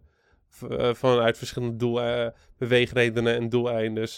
En eh, ja, lopen gewoon wezens op aarde rond waarvan niet de bedoeling is dat ze er rondlopen. En heel, veel, heel veel zijn er al dood. En eigenlijk is het gewoon net zoals in Highlander The Time of the Quickening. Waarin eigenlijk eh, de resterende samenkomen om een laatste strijd uit te vechten. Zou je het nu nog kunnen spelen, Steve? Absoluut. Oké. Met, veel met veel plezier. Omdat het natuurlijk, wat door de jaren heen wel veranderd is, is dat bij deze game kreeg je hele lappen met tekst op het beeld die je zelf moest lezen. Tegenwoordig wordt het natuurlijk allemaal voorgelezen en is het allemaal ingesproken. Helemaal geen, geen moeite Oké. mee. Ik- nee, ik, ik vond het echt geweldig. Geweldig. Er is tegenwoordig een enhanced edition van Ja. trouwens. Ja, zowel op PC als op tablets. Ja, Oké. en eigenlijk komt dat neer op de PC-versie met alle mods die in de tijd zo'n beetje ontwikkeld zijn. En ze hebben Ja. ook, geloof ik, wel... ja, om ervoor te zorgen dat hij netjes zich aanpast aan moderne resoluties en allemaal Precies. dat soort dingen. Ja. Ja. Nou, ik Er zitten ook twee karakters extra in. En wat, snip, wat snippertjes verhaal. Ja. En eh, dat hebben ze ook in de eerste game gedaan. En dus ook weer wat samenhang tussen de eerste game en de tweede game. Qua snippertjes verhaal die ze hebben toegevoegd. En qua karakters en zo. Oké, nee, Wat ik over die extra karakters gehoord heb, dat ze wat bland zijn. oké. Ja, maar ik heb tegelijk ook wel gehoord dat als je nieuw bent met Baldur's Gate, dat je niet zou kunnen raden welke dan de extra karakters zijn en welke de originele. Dus dat toch wel... Oké. Ze zijn bland, maar ze zijn wel goed geblend, zeg maar. Oké. Nou, ik zat net eh, te kijken even op gog.com, waar je natuurlijk eh, Gog. oude ah, Gog, GOG, wat is het ook weer, games. Goh. ik, weet niet, meer- ik weet niet meer waar Gog voor staat, maakt ook niet uit. Zat, Het is in ieder geval het, platform van de gasten achter The Witcher. Ja. en de- Project Red. Ja. CD Projekt Red. En ik zag daar dat je eh Baldur's Gate 2 Complete, dus dat is met Shadows of Arm en Throne of Baal, dat je die daar kan kopen voor 8,49 euro. Maar heb je het over de oude editie, hè? Niet over de enhanced Nee, edition. er zit een linkje bij hoe je de enhanced editie eh, ervan kan maken. Want je kan dan de Baldur's Gate 2 fixpack downloaden en eh, allerlei, eh, allerlei andere zaken. En eventueel kan je ook nog Baldur's Gate 1 Unfinished Business zie ik installeren. En ja, daar zit, zit bij hoe je de mods kan doen zodat je ook widescreen kan spelen en dat soort, eh, en dat soort zaken. Ze zitten er niet in, maar als je, als je het toch een keer zou willen proberen, dan eh, kan je op eh, gog.com, Niels, kan, Ja, je ja, wel, eh, kan je wel vinden hoe het, hoe het in elkaar steekt om dat ervan te Voor, eh, voor 8 euro is het een geweldige investering. Ja, 8,49 euro. in, in, heel veel, in heel veel plezier. Ja. Ja. Aanrader voor iedereen. Michael, wat is jouw top 3 eigenlijk? Nou, aangezien jullie alle twee er eigenlijk een top 4 van gemaakt hebben, vind ik dat ik dat ook wel mag. Ja, voor- Nee, jij mag dat Oké, niet. nou dan doe ik dat niet. Doe, dat Ehm, vooral, to- doe dat vooral ook gewoon. ja, tuurlijk. Ik, eh, ik heb één RPG en ja, die was goed om te spelen, was leuk. Niels heeft hem ook gespeeld, weet ik. Ehm, en ik vond ik eigenlijk ook wel een beetje bewonderenswaardig, omdat ik het niet verwacht had dat hij op dat platform uit zou komen. En, eh, misschien dat dat wel een beetje meeweegt waarom het een honorable mention is. Maar dat is Blue Dragon. Oh ja. Oké. ja. Oké. Omdat het toch eigenlijk een vrij typische Japanse RPG was. Natuurlijk ook, eh, ook daar gemaakt. En eh, een beetje gebaseerd natuurlijk ook op Final Fantasy reeks. En eh, mensen daarvan, daarvan en meewerken en dat soort dingen allemaal. Ehm, ja, en dat was gewoon een hele goede RPG. Vrij in het begin van de tijdperiode van de Xbox 360. En eh, ja, was eigenlijk, eigenlijk een beetje de RPG's zoals ik die eh, in het begin, eh, in beginjaren altijd tof vond. Dus ik vind dat toch ik heb hem nog steeds niet opnieuw gekocht. Om toch nog eens weer eens een keer te spelen. Maar dat is nog steeds wel een titel. Als ik hem ergens een keer voor een leuke prijs zie liggen. Dat ik hem, dat ik hem wel meeneem. Ja, en leuk detail is misschien ook dat de, zeg maar, de vader van Blue Dragon is ook de vader van The Last Story. Oké, dus dezelfde. Ja, terwijl ik de Last Story vond ik niet zo tof. Nee, maar dat begrijp ik ook wel. Oké, ja. Die, dit heb ik gespeeld. En toen kwam ik op een gegeven moment in een dorpje. Dat was vrij in het begin al. Of een grote Ja. stad. En daar ben ik toen inderdaad gestopt. En eh, toen was ik er wel een beetje klaar mee. Maar even uit interesse, had je wel eh, die, zeg maar, die strategie-overleg dingen meegemaakt? Ik weet er echt helemaal niets meer van. Oké. Ik weet dat ik, eh, dat ik ergens een gevecht had. Op, op een soort van grasveld iets. Met bergen eromheen in het begin. En een witte beer of zoiets? Ja, dat zou zomaar Een kunnen. tijger. En Ja.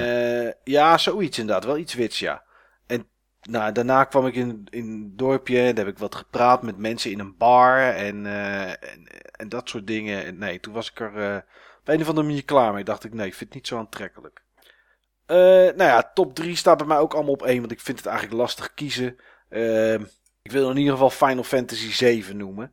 En ik weet dat voor heel veel mensen de eerdere titels beter zijn. En ik heb natuurlijk net verteld dat het mijn eerste echte RPG was die ik speelde.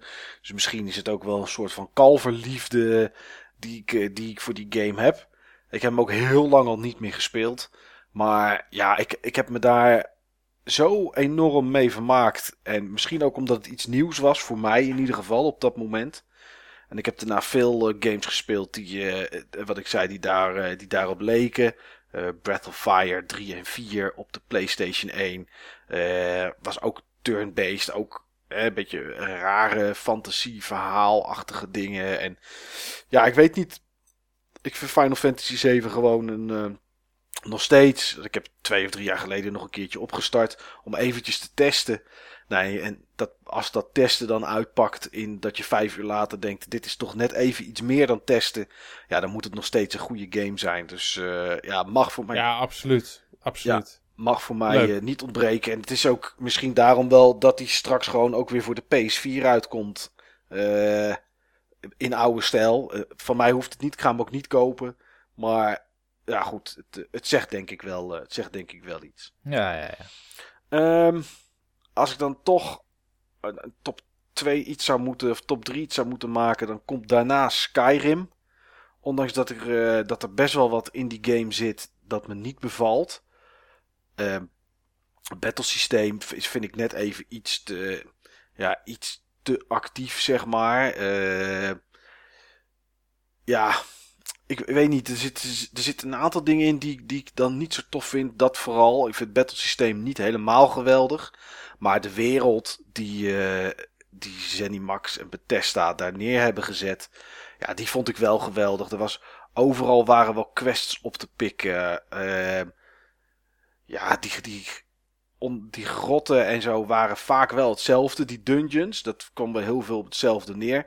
Maar toen ik op een gegeven moment een soort lift naar beneden ging en zeg maar onder de speelwereld uitkwam. Waar ook nog eens een, enorm gebied was met een soort van ja, stofdeeltjes die daar vlogen. En, en al die plekken waar zoveel extra content zat, zoveel extra wereld. Ja, ik heb daar, uh, ik heb daar 150 uur geloof ik of zo ingestoken. Dus niet extreem veel. Maar ja, dat is. Ik, als ik daar achter die game ging zitten, voor ik het weet was het nacht. Dat liep, uh, dat liep, gewoon, echt, uh, liep gewoon echt een heel stuk door. Dus dat voor mij een, een erg goede game. Leuk dat we in deze aflevering van de podcast dan eigenlijk de Elder Scrolls 3 tot en met 5 hebben genoemd. Ja, ja, ja inderdaad. Morrowind, Oblivion en Skyrim. Nou, terecht. Goeie serie en ook echt een uh, serie die heel goed weergeeft wat moderne RPG's zijn. Ja, modern nou, als in uh, crashen en bugs en weet ik het wat? Of? nou, daar, daar, kom ik, daar kom ik nu wel op. Oké. Okay. Want Eén eh, titel die voor mij toch wel met kop en schouders eh, overal bovenuit steekt, is een westerse RPG. Ik weet al welke ja, het is. dat is Fallout. Daar zullen we geen Falling Out over hebben, wou ik zeggen. dat is Fallout 3. Ah, ja, ja, ja. En, uh, een game die ik vervloekt heb, omdat ik niet verder kwam en ik uh, door crashes echt letterlijk door crashes. En ik jaren, jaren, jaren later weer opnieuw op opgestart. Toen waren de nieuwe videodrivers. Kon ik weer helemaal opnieuw beginnen. Maar toen kon ik er wel voorbij. Uh, ja, zoveel content. Zo'n zo gave wereld. Vooral de wereld vind ik gaaf. Er zijn mods om het minder groen te maken. Om het minder depressief te maken. En dat je een blauwe, heldere hemel hebt. En dat soort dingen. Ik installeer ze niet. Ik hou van die post-apocalyptische settings. Uh, en, en, dat doet Fallout 3 natuurlijk enorm, enorm goed. Ik vind het leuk dat je je karakter zo kan indelen dat. Hè, wat jij had, Niels, met de situaties op een verschillende manier oplossen. Ja. Dat het kan door, als iemand iets vraagt, het uit te voeren. Dat je met. Uh, door goed te zijn in praten en in, in, en in je standpunt hard te maken, dat je ze kan overhalen tot iets. Ja, en als je denkt van, ah fuck it, ik heb er geen zin in of het mislukt. Nou ja, dan beëindig je de conversatie, pak je je wapen en je, en je schiet hem kapot. ja. ja. dat kan ook. Heb je waarschijnlijk wel het hele dorp of, of weet ik veel wat achter je aan. Maar ook dat heb ik gedaan. Uh, ergens binnenkomen en dachten, ja, deze quest ga ik niet doen. En jullie ideeën of moralen zijn voor mij niet degene die ik op dit moment met mijn personage wil spelen. Ik, ik, ik moord gewoon een, een of andere enclave ergens gewoon helemaal uit. Uh, je, kan het op, je kan het goed spelen door good karma te krijgen en bad karma. Uh, je begint natuurlijk met, uh, met een, een, een dorpje waar een hele grote atoombom ligt. Ja, op een gegeven moment krijg je inderdaad gewoon de keuze van, ja, wat ga je doen? Ga je hem behouden? Ga je hem ontmantelen of ga je hem laten ontploffen? En wat ik dan gaaf vind, is op het moment dat je ervoor kiest om hem te laten ontploffen, dat je gewoon een andere kant van de wereld heen gaat, waar daar dan weer quests zijn die je anders niet zou hebben. En ook daar heb je weer de keuze, als je in, in de Penny Tower bent, of je uh, met de eigenaar van die toren meegaat en de ghouls gaat uit, uitmoorden waar hij een hekel aan heeft. Of dat je toch denkt van, ik ga toch een beetje good guy spelen en een achterdeurtje laat openstaan. Zodat die ghouls die touwen over kunnen nemen en jij daarna daar zaken kan doen met items kan kopen en dat soort dingen allemaal. Ja, dat vind ik gaaf. En dat is, uh, dat is ondanks dat Final Fantasy 7 uh, niets is van dat. Uh, qua keuzes en, en qua mogelijkheden en, en grote personaliseringsslagen die je kan maken heeft Fallout 3 dat wel, maar dat, ja, ik kan ook niet wachten tot Fallout 4. Ik heb Fallout New Vegas ook met heel veel plezier gespeeld. Heb ik ook iets van een uur of 80, 90 ingestoken. Heb ik lang niet alles gezien. Maar ja, dat soort games, dat uh, kom maar op. Dus ja, dat is voor mij. Eigenlijk is Fallout 3 wel de nummer 1. Heel stiekem toch.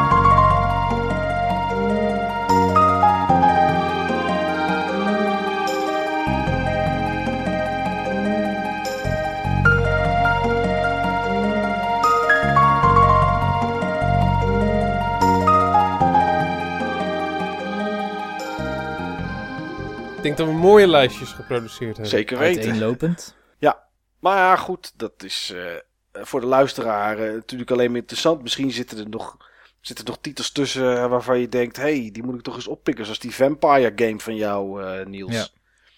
ja, daar ga ik, toch, ga ik toch straks maar eens even wat, wat nader naar kijken. Steve die ging allemaal oppikken, zei hij. dus wat dat betreft... en dat allemaal vanwege zo'n vampire prostituee. Ja, Zo'n lesbian vampire prostituee. Nou, dat is toch... Uh... Lesbisch zelfs? Nou, echt... Uh, ja, ik uh, kan me gelukkig nee, op. beter dan dat wordt het niet. Ja, goed jongens, dan komen we aan toch wel een redelijk lange uitzending over het genre RPG.